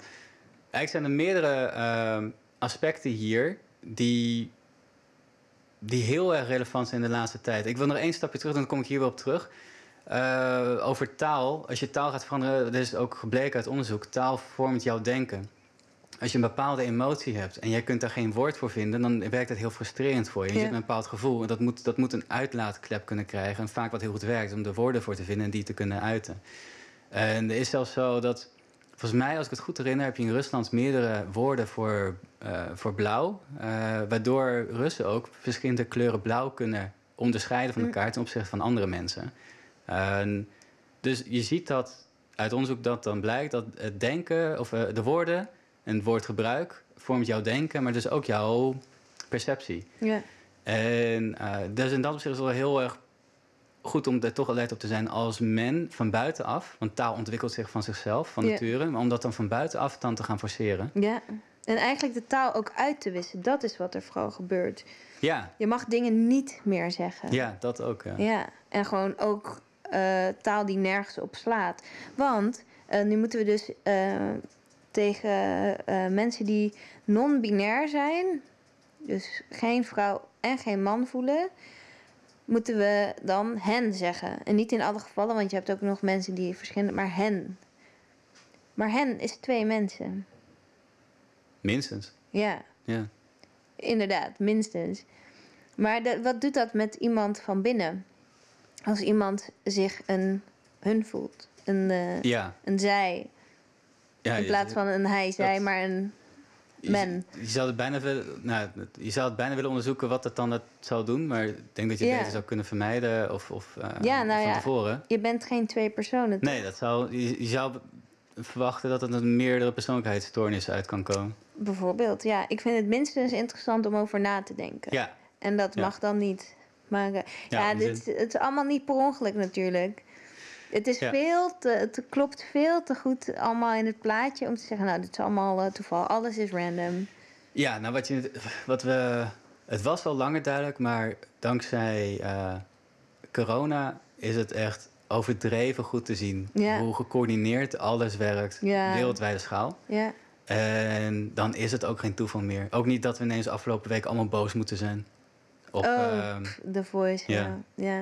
Ik bedoel, En- het, is, het is één ding dat het goed hè, dat het naar Ja. buiten komt. eh, want volgens mij gaan we nu langzamerhand steeds meer doorhebben hoe Ja. niet alleen die industrie, want ik denk dat het meer bij de industrie ligt, want er zijn bepaalde normen, maar daar komen we misschien ook nog op terug. Ehm, maar kijk, of je wordt heel erg bang gemaakt. Of boos, wat ook een lage emotie Ja, is. En dat vond ik ook zeker, zo typisch. Hè? We gaan allemaal boos doen. Gaan we allemaal iemand verwijten, gaan de schuld leggen. Maar het zorgt er ook voor dat we volgens mij het hele probleem niet eens goed erkennen. Want ze, na een week zijn we niet meer boos, gaan we verder met het leven. Ja, maar dat is het ook. En heeft iedereen zijn, zijn simpele post gedaan. Hè? Zijn, Ja. zwarte vierkantje gepost. En dan is er nog steeds niks veranderd. Ja. Maar we hebben wel allemaal laten zien dat we het allemaal erg vinden. Ja, we staan allemaal op moreel aan de juiste kant. Precies, dat. Nou, not. Ja, sorry hoor. Het, is, het leven is wel iets ingewikkelder dan dat. Ja. Ja. Dus, eh, en wat ik ook wel eh, vind... is dan kiezen ze Tim om dat te doen. Of Tim doet het uit zichzelf. Maar als ik kijk naar zijn programma... vind ik hem vrij grenzeloos. En dan heb je natuurlijk mensen die... dan kun je zeggen, ja, die verdienen dat of zo. Mhm. Maar je kunt ook met mensen die foute dingen doen anders omgaan dan wat hij doet. Dus ik, ik vind hem eh, op verschillende manieren gewoon ehm, ook geweld aandoen. En dan vervolgens komt er een filmpje van hem naar boven dat hij dus ook zwaar eh, over de grens gaat bij een vrouw over de tieten. en Oh, echt? eh, ja, die is Ja. dus daarna naar buiten gekomen en dan zegt hij sorry en dan is het goed of zo. Ja, Ja, dat, dat lossen we niet veel meer op. nee.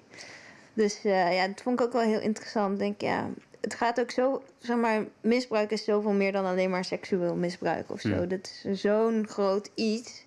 En dan maken we alleen maar van mannen die vervelend zijn tegen vrouwen. Ja, en dan eindig je met een avondklok voor mannen. Ja, eh, sorry, het liefst als ik over straat ga s'avonds, heb ik het liefst dat er zoveel mogelijk mannen op straat zijn. Ja, Dat klinkt dan eigenlijk ook wel grappig, als je dat zo stelt. ja. Maar vanuit dat vrijheidsidee van iedereen moet gewoon op straat kunnen? Of... Eh, dat, maar ook omdat het gewoon veiliger is. Het is toch veiliger als er meer ogen gericht zijn. Als jij Ja. door een steegje loopt, dan heb je toch liever dat er, dat er heel veel mensen doorheen lopen... in plaats van dat er gewoon één klein groepje Ja. mannen staat. Ja, ja, ja, zeker. Ja. Ja. Ja. Dus eh, ik vind het een heel dom idee, want dat, dat is het. De slechte mensen doen het toch wel. Dat is het. Net als met het seksueel misbruik. De slechte mensen, de mensen die echt niet sporen, die doen het toch wel. Ja. Dus dan kun je, je de goede mensen aanspreken op hun gedrag. Of de goede mensen opsluiten. Maar de slechte mensen gaan toch wel naar buiten. Maar dat gebeurt wel veel, hè? Ehm, feminisme, wat per definitie zou moeten zijn voor de gelijkwaardigheid tussen man en vrouw. Ja. En vervolgens wat je... En ik denk, eh, in de 60 jaar had je dan de, echt een grote eh, opkomst voor vrouwenrechten. En ik heb wel de indruk dat het heel vanuit intrinsiek, vanuit henzelf... wij mogen deze plek en deze ruimte innemen. Wij, Mhm. wij hebben het recht daarop. En uiteindelijk is een verschuiving gekomen... in plaats van uit jezelf... dat je het bij de ander gaat neerleggen. ja. En, en klein gaat maken. Maar en die moeten het, zich ja. veranderen. Niet wij gaan groeien. En dat is eigenlijk dat psychopathische karakter heeft het bijna. Niet eh, wij gaan groeien, maar iedereen die groot is moet naar beneden. En dan doen alsof de man ergens op een positie zit in een of andere walhalla waar ze helemaal niet Ja, zitten. Want de mannen die zijn ook hartstikke aan het lijden in deze maatschappij.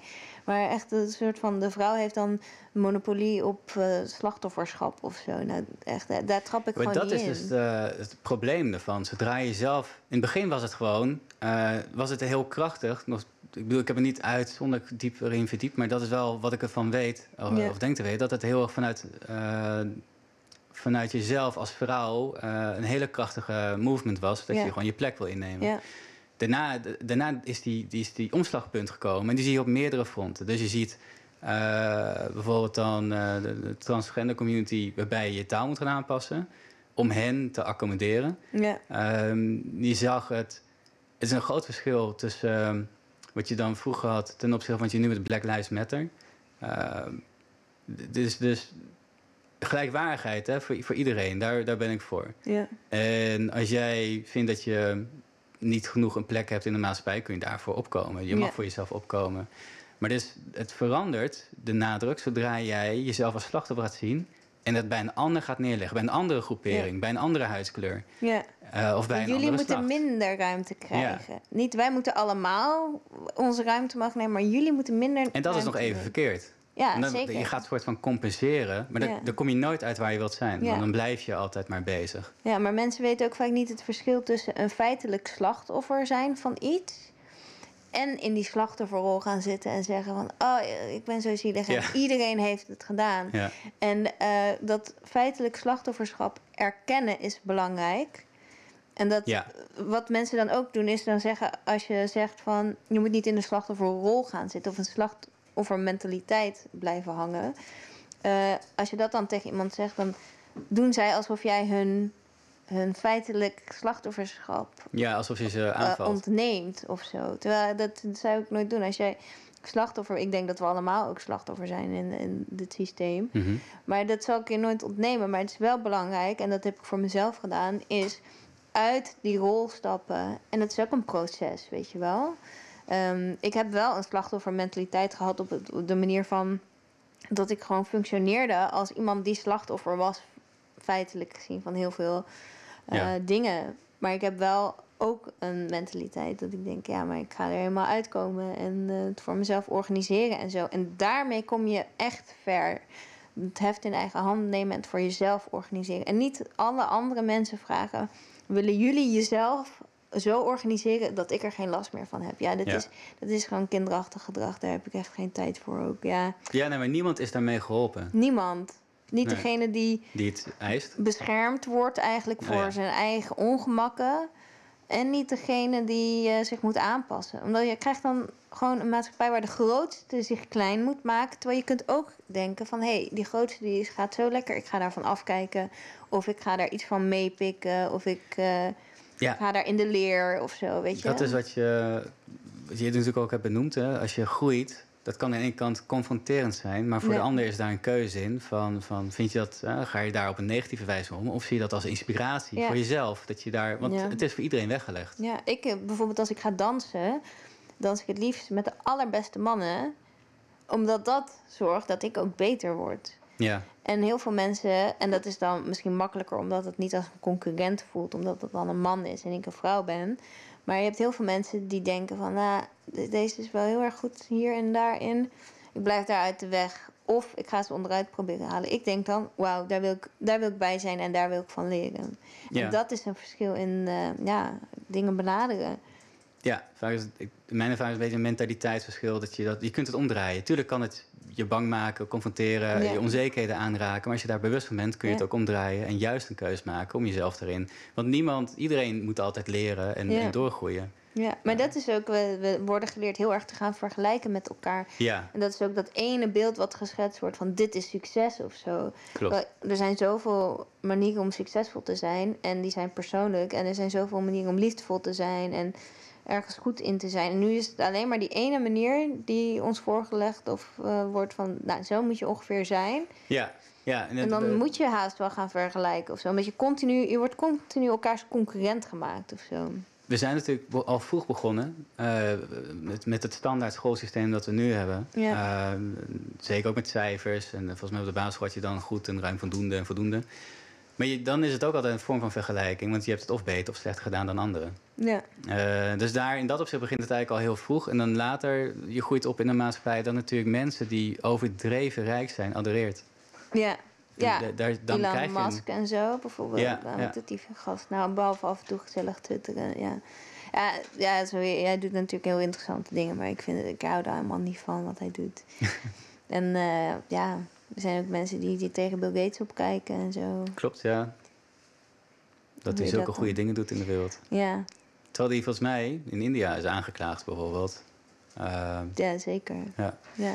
ja nee, uh, in dat opzicht hebben wij nog van heel veel mensen eigenlijk een, een, een, een beeld op die misschien helemaal niet schetst met de realiteit. Ja, zeker. Ik denk ook, ja, hetzelfde ook weer die Kardashian-clan. Het zijn Ja. echt me- soms de mensen die ik volg soms zelfs, die dan toch hun interessant lijken te vinden. En dan denk ik, hoe dan? Het is zo leeg. Ja, Het is allemaal zo, dat is het. Ook ons eh, schoolsysteem. Het is alleen maar leegte. ja. Het is echt eh, zo arm. Dat is een probleem hoor. Ja.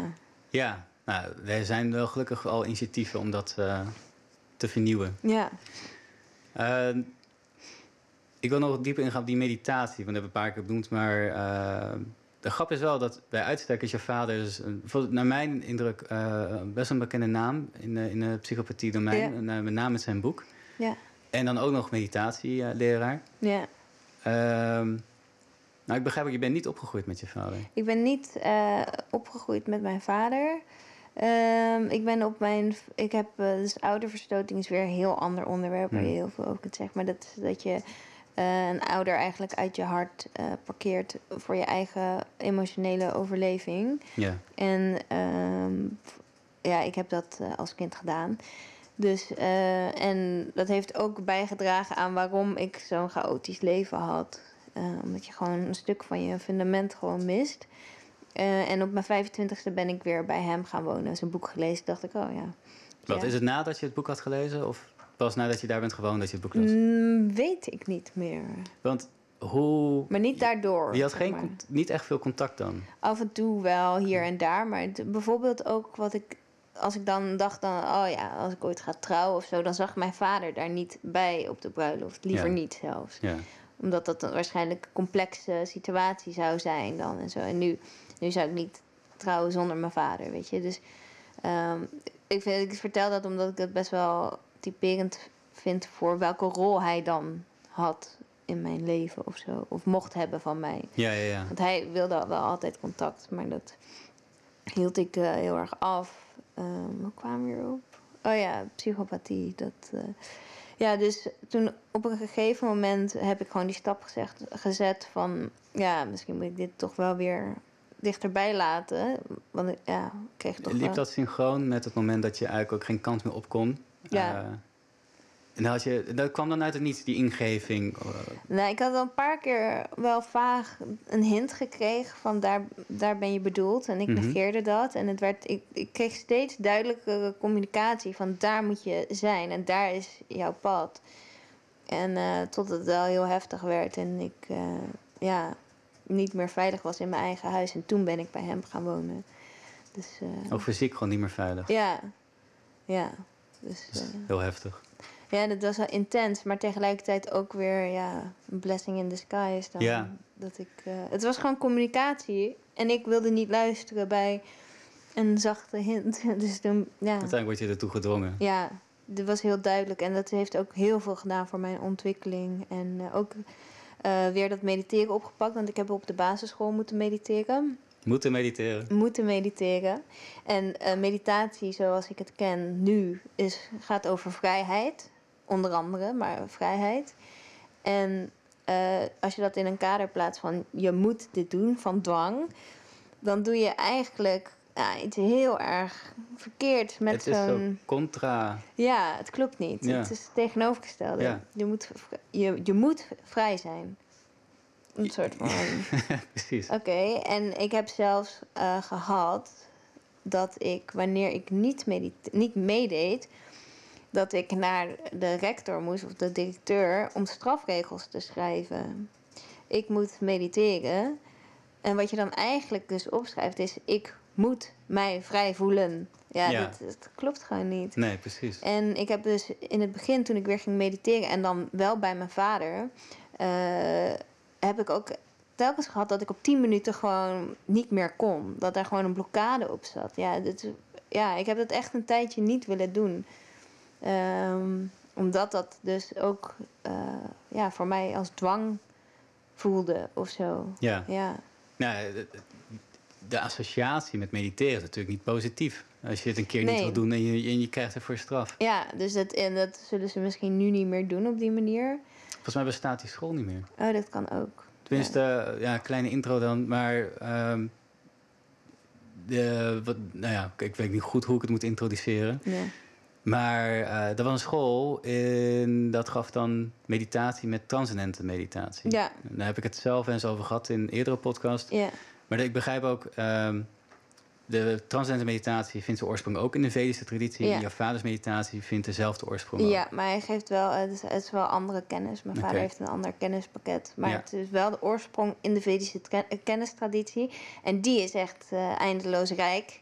Maar je moet dat gewoon weten ook daarmee om te gaan. Ja, En dat is niet voor iedereen weggelegd, duidelijk.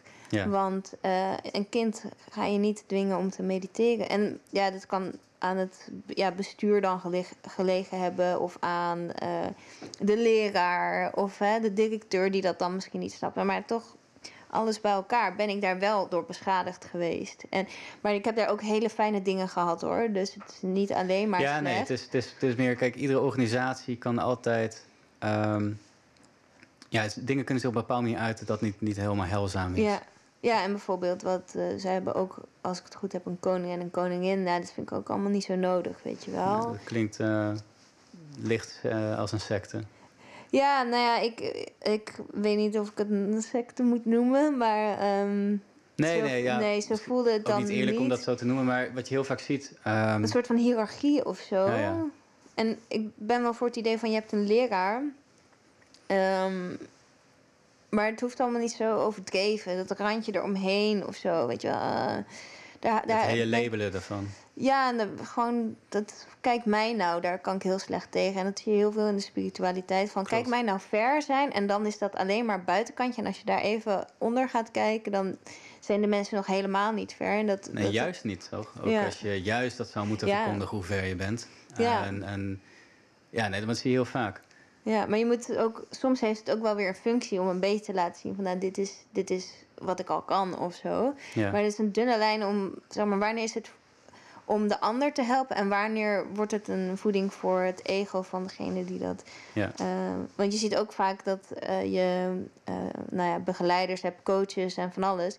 die het prima vinden om jou te helpen totdat je voorbij hen groeit. En Oh, dan Ja, dan kom je in één keer, ja, Ja. een ego wordt dan geraakt. Dus dat zijn allemaal dingen om ook op te letten. Als je dan eh, ja, ook mensen kiest om jou te begeleiden of je verbindt aan organisaties. Dat moet helemaal zuiver zijn. Ja, Ja, ja en, en kijk, als je je verbindt met een organisatie, blijf altijd bij jezelf. zeker ook. Ja, nooit, nooit het eind. eh, het eindoordeel of de beslissing bij de ander leggen. En ik denk dat mensen er ook wel heel erg naar op zoek zijn, omdat ze zo weinig vertrouwen hebben in hun eigen kennis. En dat is logisch, want we leren ook zo weinig. Ja, Maar dat ze toch bij een ander gaan zoeken naar de controle over hun leven of zo. terwijl ze eigenlijk al heel veel van, vanuit hunzelf weten. Alleen is het dan ook weer dat je daarmee in contact zou moeten komen. Ja, ja, er zit zoveel. Dat heb ik ook met de kennis van de Ayurveda. Op het moment dat ik, eh, want je weet Ayurveda Ik dan weet, ja, dus maar ja, Dat is ook een uit korte de- toelichting. Dus het komt uit het oude India, toch? De Ja. Vedische cultuur, denk Ja. 5000 jaar oud. Zoiets, ja. De Vedische kennistraditie is dat. En dat is voort, eh, dat bestaat nu dankzij eh, bepaalde teksten die, die het overleefd hebben, toch? Ja, ja.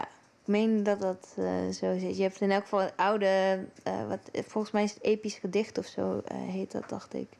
De Mahabharata. Ja, en de Bhagavad Gita, Bhagavad Gita die is is daar onderdeel van, ja, toch? Ja, en dat zijn volgens mij de twee grote en bekende Ja, Vedische werken. ja. En, eh, maar die zijn eindeloos lang volgens mij.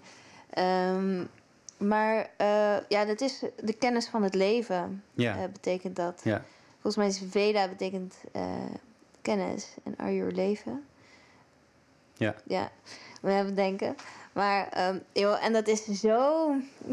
dat is, klopt zo als je dat eh, leert. En ehm, het is alsof je ergens aan herinnerd wordt. Of ja, echt dat iets op zijn plek valt. Alsof Ja. je het al wist, maar dat je...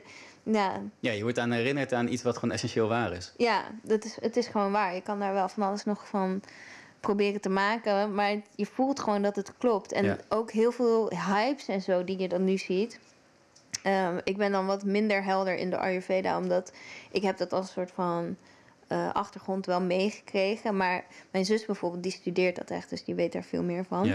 Ehm, wat wil ik nou zeggen? Oh ja, heel veel hypes die je nu ziet, eh, weet ik dan van, van. Oh, maar dat klopt niet, want het gaat tegen de Ayurvedische eh, kennis in. ja, je hebt eigenlijk een hele duidelijke leidraad waar je dingen aan kunt toetsen. Ja, om, en het klopt gewoon elke keer weer. Bijvoorbeeld, een, een voorbeeld is als jij een, je, je vuur, zeg maar, even makkelijk gezegd, je pita uit balans is, Mhm. omdat je er te veel van hebt, dan is het een slecht idee om heel erg spicy te gaan eten. Dus een heel nog meer uit balans dan. Ja, dan, trek, dan gooi je er nog meer vuur op. Maar bijvoorbeeld ook, je hebt je spijsverteringsvuur. Dat zorgt ervoor dat alles hè, verteerd wordt. Ja, Op het moment dat jij voordat je gaat eten een grote sloot koud water naar binnen werkt, dan doof je je spijsverteringsvuur. ja. En dan kun je minder makkelijk verwerken. Dus allemaal dat soort kleine, ja, weetjes, feiten zitten in die kennis. En het Ja. zorgt ervoor dat je dus beter weet hoe je moet leven. Maar ook bijvoorbeeld, en dat kan mijn zus dan beter uitleggen, want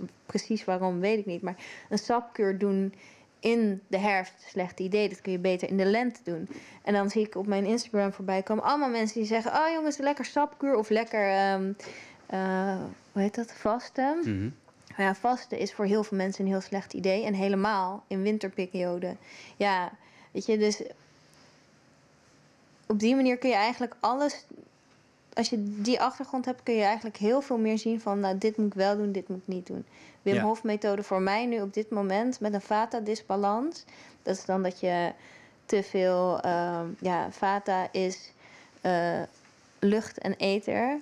Ja, Als je daar dan ook nog kou op gaat gooien en eventueel wind, als er buiten wind staat of zo, dan schiet dat nog verder uit balans. En ik heb dan een vata-disbalans, dus dan weet ik, oh, ik moet niet het koude water. terug. Want je hebt dus vata, je hebt pita, En je hebt kaffa. kapha. Het zijn drie elementen. Ja, het, het is, zijn drie, wat is het? Dosha's heet dat dan, naar de elementen, zeg maar. Dus die, of die vertegenwoordigen dan weer één of twee elementen. Twee elementen. Je hebt vata is eh, lucht en ether.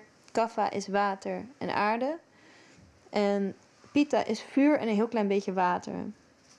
Ja, en het is ook bijvoorbeeld interessant dat als iemand depressief is, dan kun je zeggen, ja, iemand is depressief.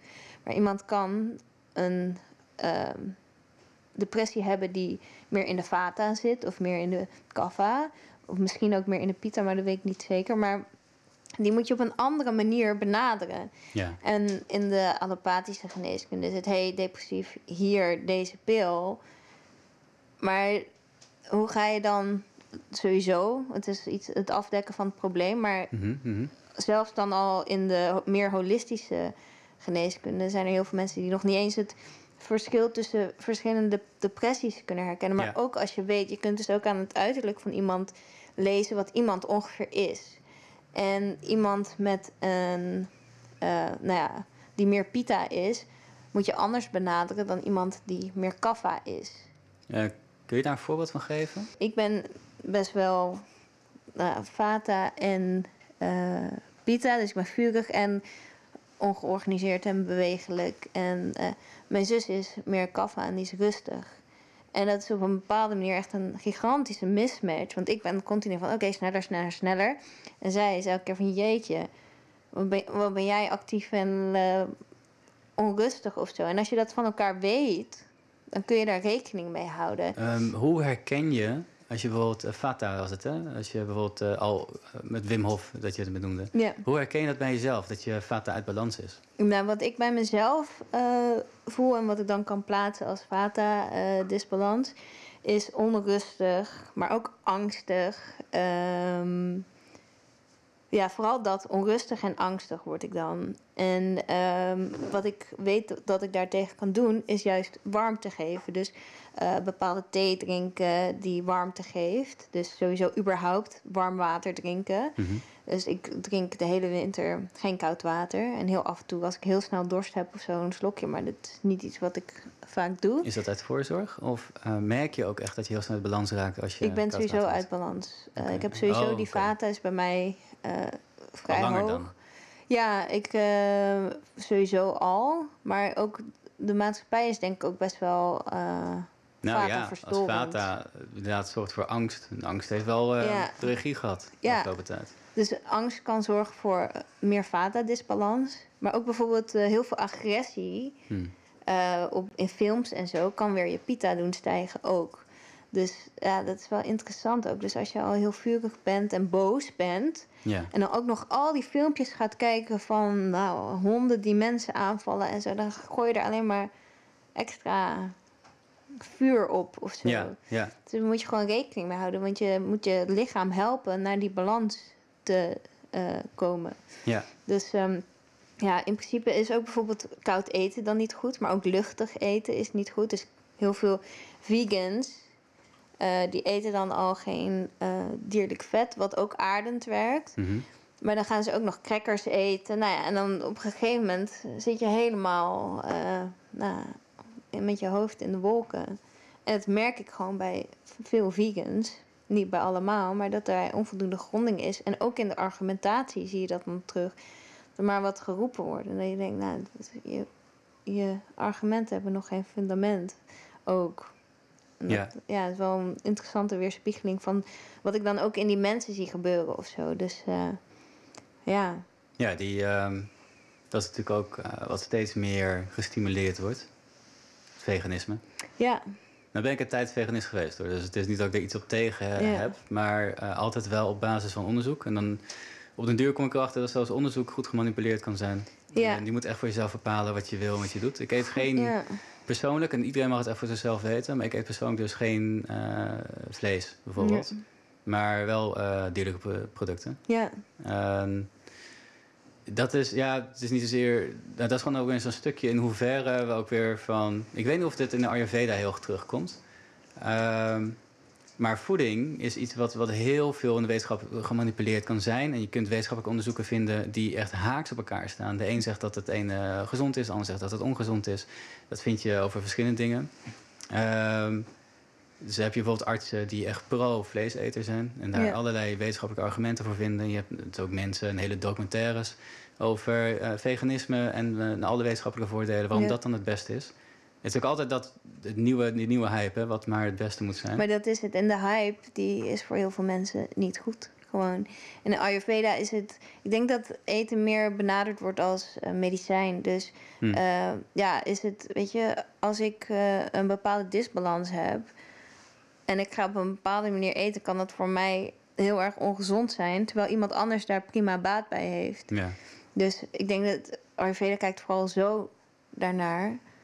En dus ja, iets wat voor mij ongezond is, kan voor jou gezond zijn en andersom. En, eh, maar je hebt ook, en dat overstijgt dan weer misschien de Ayurveda, misschien dat er ook wel iets van terugkomt hoor. Maar je hebt ook eh, dingen die dan binnen dat eh Vata Pitta Kapha prima zouden zijn, maar dat mijn persoonlijke systeem dat gewoon niet trekt. Hm. Om welke reden dan ook. ja. Wat dus binnen eh, de Ayurveda misschien wel voor mij zou passen. Ja, Ja, zo zie je maar dat er ook vanuit de Ayurveda een benadering is dat eigenlijk iedereen is anders. Ja. En, en moet voor zichzelf echt bepalen wat goed werkt. ja en dat is blijven testen ook. Weet je, als je een Hm. traject ingaat met een Ayurvedisch arts, dan ben je samen aan het kijken naar wat doet iets met jou. En Ja. ga je nu dichter naar in balans zijn of verder weg daarvan. Dus eh, ja, Als iemand daar meer over zou willen eh, in verdiepen, waar, waar kun je dan best beginnen? Bij zo'n arts of eh, ergens beginnen met lezen? Ja ehm, wat is mijn, mijn zus? Ja, je hebt natuurlijk Ja. het voordeel daarmee. Ik vraag alles aan haar. ik zeg, oh, is dit? En dan heeft ze altijd wel weer een kanttekening. Of dat ze Ja. iets zegt, ja, toch weer iets anders. Of, ehm, ja, waar, waar begin je? Ik wil eigenlijk dat ik dit zelf organiseer met mijn zus. Dat mensen een heel beetje... tof zijn. Ja, hè? En ik weet ook gewoon dat zij hier extreem goed in is. Omdat zij eh, natuurlijk die achtergrond heeft ook. Dus dat geeft toch iets meer fundament daarin. En ze heeft dus super scherp inzicht ook. eh, dus ja. Maar ja, je kunt gewoon boeken gaan lezen erover. En eh, er is vast wel ergens een testje te vinden online met wat jij dan ongeveer zou Oh welke- zijn. In welke mate jouw dosha's... eh, Ja, maar je hebt ook iets waar hoe ben je geboren oh ja. en wat is, hoe zie- ziet het er nu uit, weet je wel? Dus wat is jouw disbalans en wat is jouw ja, originele blueprint eigenlijk? Maar tof, dus ehm, ja, boeken zou inderdaad het idee zijn. Maar als men even geduld heeft, dan komt er nog een mooie keur. eh, Ik hoop aan. het, ja. Dat lijkt me echt fantastisch Ja. om eh, te doen. En het is, het is echt dat stukje dat ontbreekt bij heel veel mensen. Dit stukje kennis om echt zelf te kunnen voelen. Dus ook eh, laatst een vriend van mij die zei... Nou, ik voel me zo eh, soort van... Ja, ik weet niet meer welke woorden hij gebruikt... maar niet, niet geaard of zo. Mhm. Toen zei ik, oké, nou dan stop je met die Wim Hof. Ga je drie keer per dag warm eten. Je gaat stoppen met koud water drinken... en alleen nog maar warm water drinken. En eh, ik had nog een paar dingen... En eh, een paar daarvan heeft hij gedaan, gestopt met Wim Hoffen. En hij is volgens mij ook warm water gaan drinken. Eh, en nou, je ziet dan aan iemand dat iemand ook verandert. Hè? Dus, en hij zei, ja, ik voel me echt veel beter. En wij zijn allemaal van, joh, of wij, ik dan niet, maar heel veel mensen online zijn, joh, lekker Wim Hoffen. En ik doe het ook wel eens hoor, want ik vind het heel erg leuk. Maar ik schrijf er altijd bij van, dit is niet voor iedereen een goed idee. En als je het wel doet, maar je bent angstig, zorg dat je een goede muts op hebt. Zodat je niet te veel wind vangt, ook Mhm. op je hoofd en zo. En ga niet kopje onder. Dus dat is die nuance die gewoon heel erg Ja, belangrijk is. Dat, dat, dat koud douchen of in het koude water, eh, wat ook wel bekend staat als de Wim Hof techniek. Ja, Nou, nu, nu het valt onder Wim Hof. ja.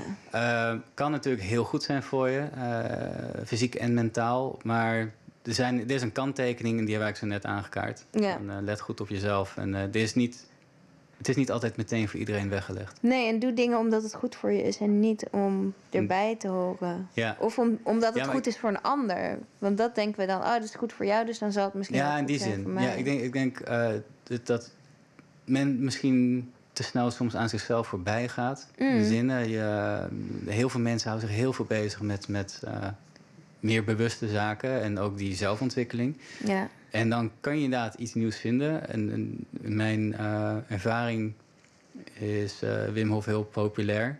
Om goede redenen. ja. Maar het kan dus ook voor zorgen dat je eigenlijk aan jezelf voorbij gaat. Omdat het goed is, omdat, het, omdat iedereen het doet, moet jij het ook doen. ja. Nou, eerst zorg voor dat fundament. En dan, eh, dan kun je wel eens klap op je systeem gaan geven. Ja.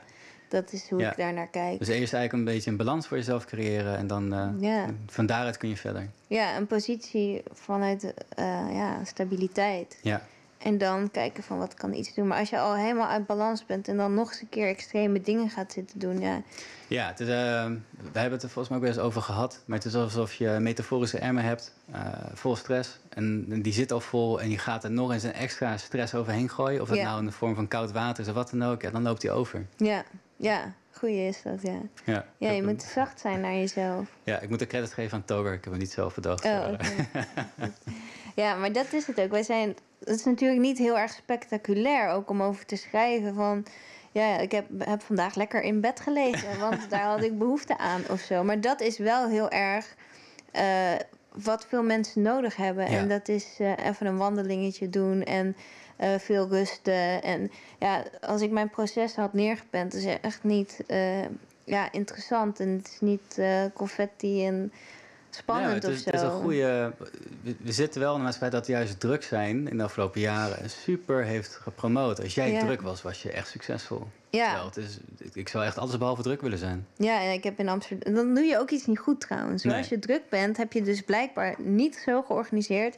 Ja, Ja, je, hebt of gewoon te veel hooi op je vork. Ja. Wat, wat op de lange termijn gewoon erg ongezond is voor je. En je bereikt er eigenlijk minder mee dan je misschien zou willen. ja, Eh, want je levert er ook heel veel op in. Als je bui uit balans, overstrest, te veel doet. En vaak Ja. is het eh carrièregericht. Dus eh, er is veel meer in het leven dan alleen werken. Maar ja, vaak kom je dan te laat daarachter.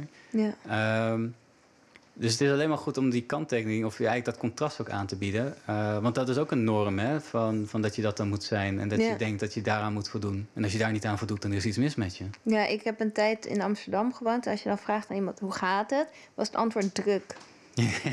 Echt een soort van statussymbool bijna. Van, Ja. oh ja, lekker druk. Ja. Ik heb het zelf ook zo ervaren. Totdat ik door had, dit is, dit is krankzinnig dat ik dit, dit een goed idee vind. ja.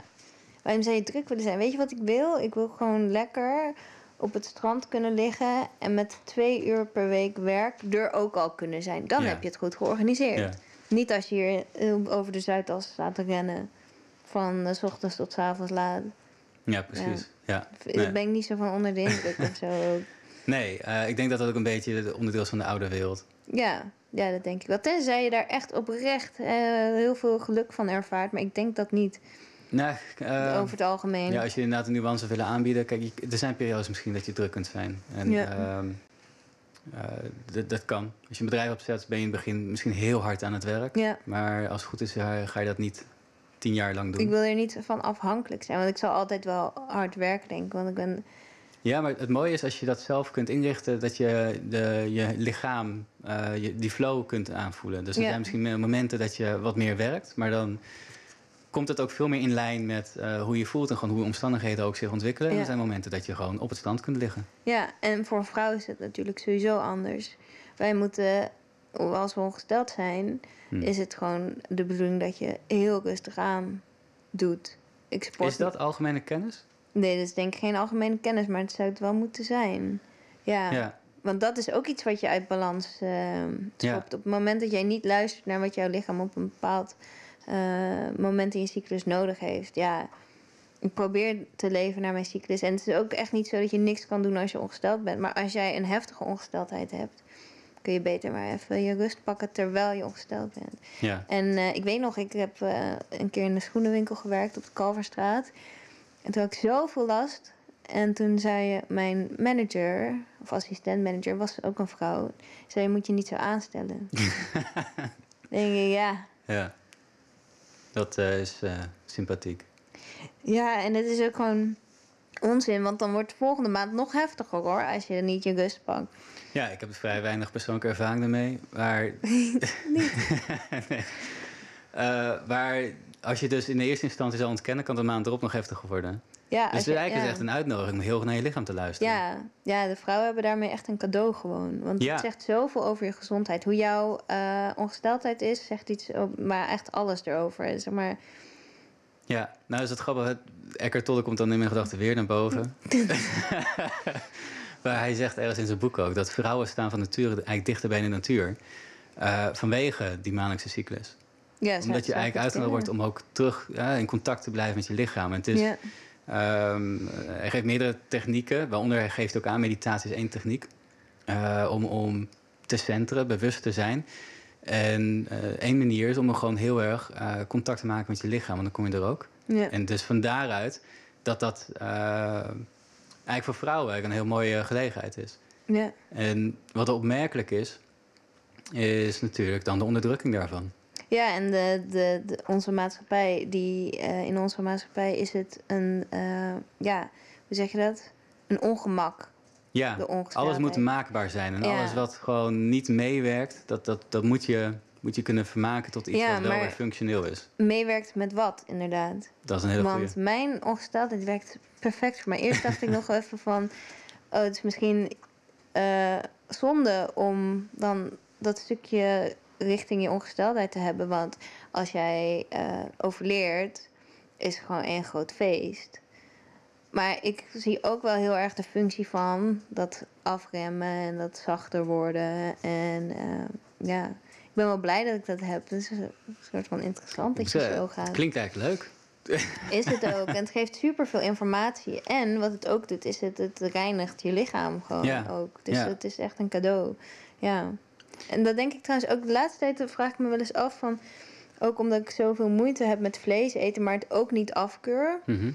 Denk ik ook wel eens van: is het niet de bedoeling dat vrouwen leven geven en dat misschien mannen het leven kunnen nemen of zo? Dat Ah, het ja. überhaupt niet voor vrouwen bedoeld is om leven te nemen. Dat vraag ik me soms af. Weet ik niet. Ik, uh, ik las in een ander boek dat de vrouwelijke energie staat voor introspectie, reflectie, naar binnen gaan, uh, de, het contact met de hart. Mm -hmm. En mannelijke energie staat veel meer naar buiten gericht voor het bouwen, uh, maar ook voor grenzen stellen. Dus Ja. stel dat je een wereld zou creëren. Als je, ik bedoel, ik, er zijn misschien mensen die zichzelf zouden identificeren als feminist en die het echt, echt goed zien als gewoon gelijkwaardigheid. Ja. En je hebt mensen die zichzelf identificeren als feminist en die vooral de man een slachtoffer willen maken.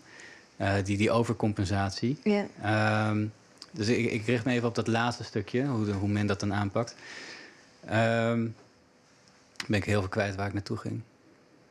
Even kijken, we hadden menstruatie. Wat was de laatste? Maatschappij. Maatschappij, ja. Ik heb een heel korte termijn eh, geheugen, dat is niet op orde bij mij. Nee, misschien kom ik er zo nog op. Ja, Ehm, oh ja, de vrouwelijke en mannelijke energie. ja, Eh, dus als je dat zou overcompenseren, dan bijvoorbeeld, hè, dan heb je een, een, een een maatschappij gericht waarbij een overvloed is aan vrouwelijke energie, dan zou je bijvoorbeeld hebben dat niemand meer grenzen kan stellen. ja. Ja, ik weet, ik weet het, ja. Ik zit er dan... Ik weet niet wat het is, maar ik vond dat een interessant gegeven van, van een boek dat ik toen las. Ja, en Eh. ik denk, weet je, met vrouwen heb je... Sorry, wil je je punt afmaken? Het is gemaakt. Vrouwen die zijn dan, of feministen zijn heel erg vaak van... oh, meer vrouwen aan de macht en zo. Maar vrouwen, die hebben dus dat cyclisch, cyclische leven.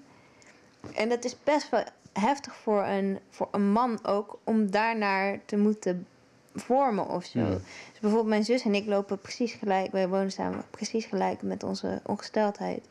En ehm, ik denk dat dat nodig is... omdat je anders zo op zo'n andere eh, Ja. golf zit of zo... En als je dus vrouwen allemaal, nou volgens mij wordt dat één grote chaos.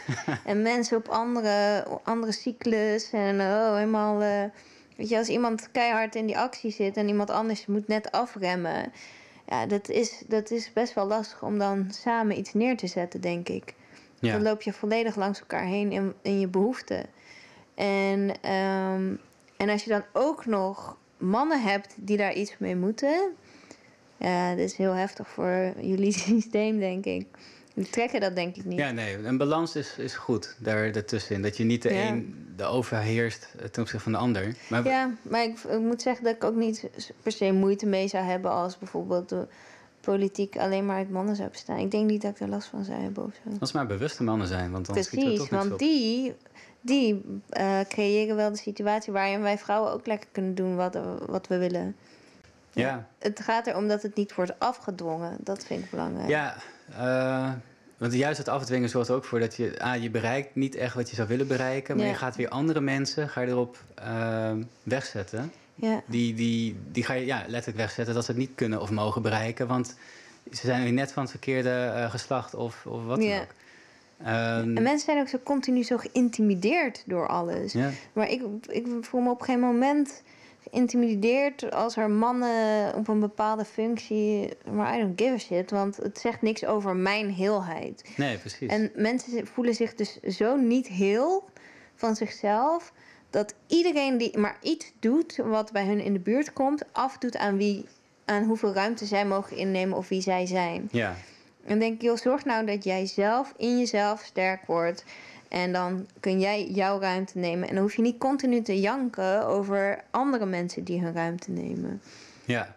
ja. Ja. dat lijkt me vrij essentieel. Ja, Ja, eigenlijk is gewoon voor iedereen is er gewoon een plek en een rol eh, Ja. in deze wereld. En het, het moet allemaal niet uitmaken. ja, Het is alleen wel essentieel dat wij aan onszelf werken. ja, Om, ehm, zodat wij anderen niet gaan verwijten. Omdat wij ons daar dan niet goed bij voelen. ja, Wat heel opmerkelijk is natuurlijk die, die maakbaarheid. En ehm, je zegt net van ja, het zou misschien wel heel vervelend zijn als alleen maar vrouwen eh, aan de macht zouden zijn voor, voor de mannen. En met, met het meegaan in de cycli. ja, Andersom heb je eigenlijk wel een symptoom. En dat zou je misschien kunnen vinden onder de pil en de abortus.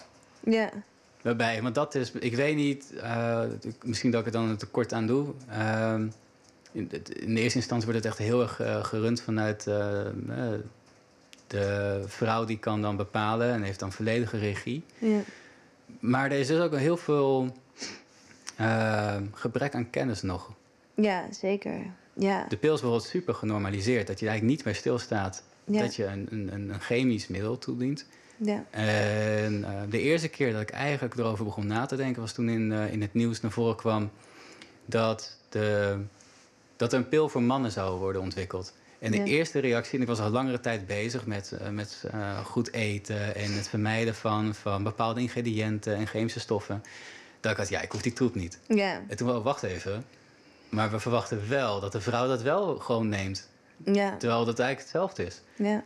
En Maar dan vind ik de vraag interessant, waarom?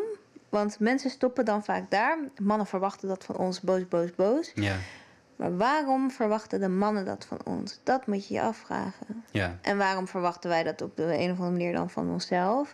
En daar, daar zit dus ook de mogelijkheid om dit te fixen, denk ik.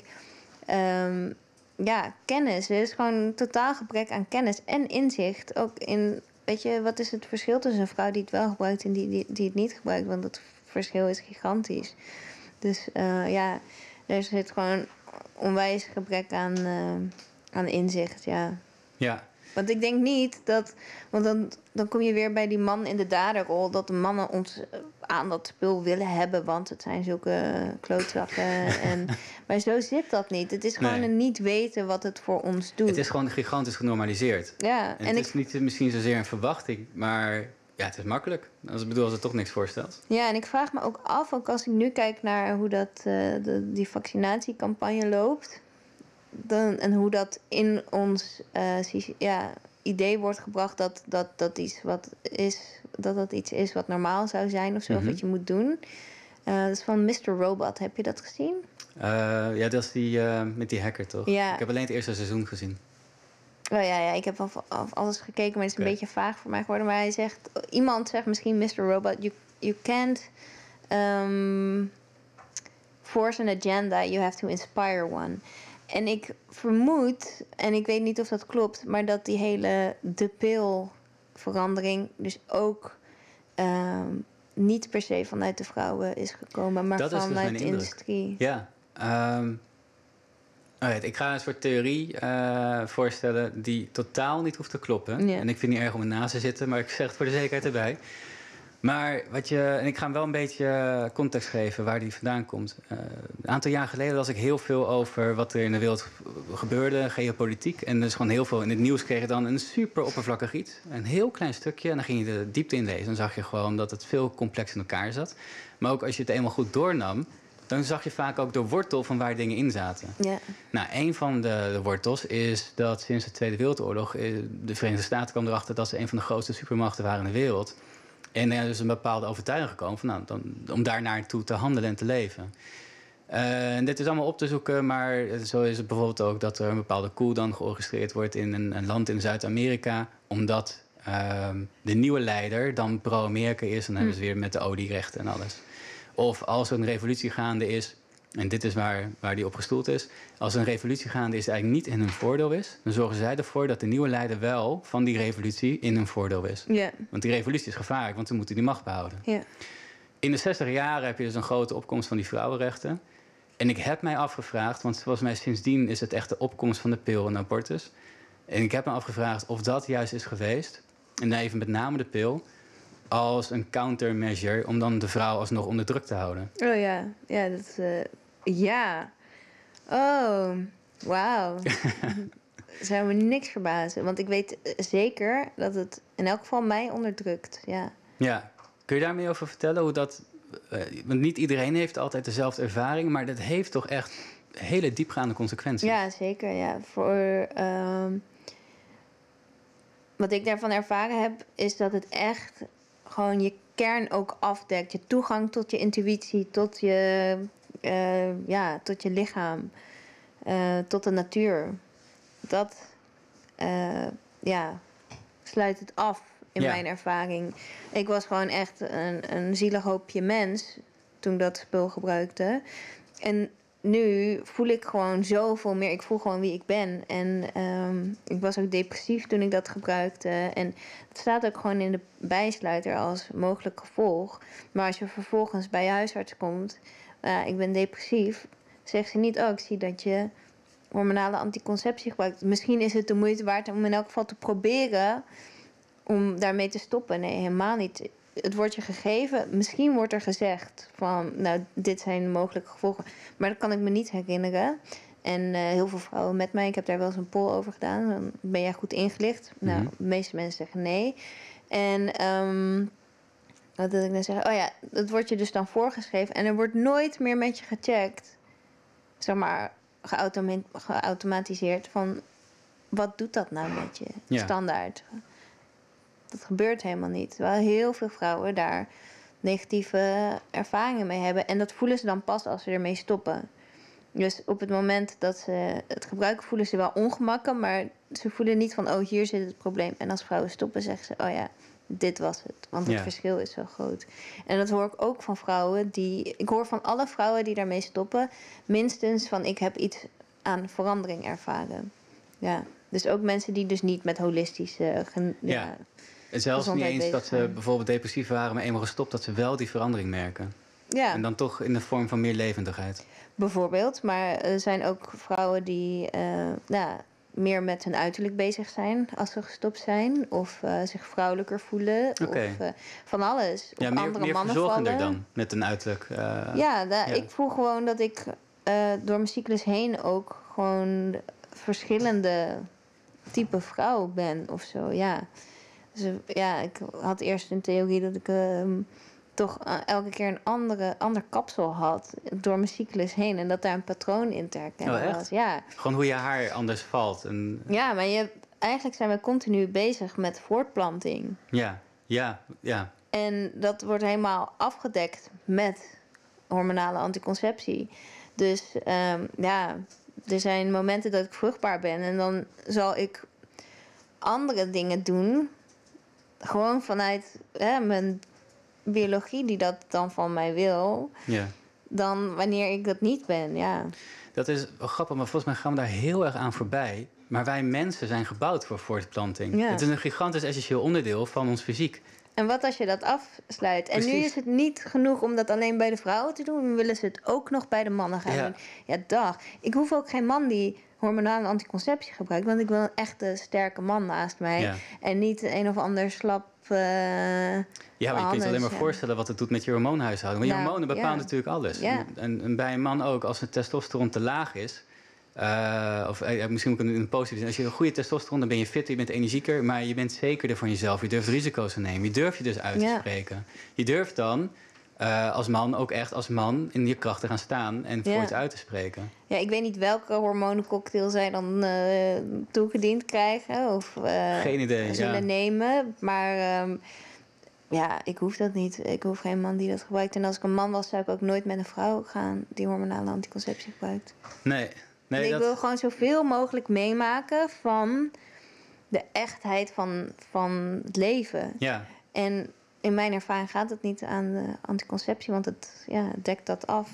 Ja. Ja, ja precies. Maar eh, ehm, we, gaan er, nou, wat ik zei, we gaan er soms zo makkelijk aan voorbij. Omdat we een maatschappij hebben waarin we hele andere waarden en hele andere doelen stellen. Ja. Die alles behalve eh, ja, voortplanting zijn. Ja. Je moet carrière maken, je moet alles kunnen, je moet alles doen.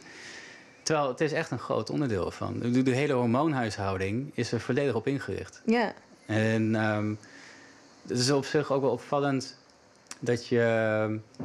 Maar je zei toch ook, met de pil kun je eh, ook andere keuzes maken in mannen. Ja, ja, het kan dat jij op andere types valt dan wanneer je eh, niet aan de. En dan denk ik terug bij mezelf en dan hoop ik dat dat de reden was dat ik op van die losers viel.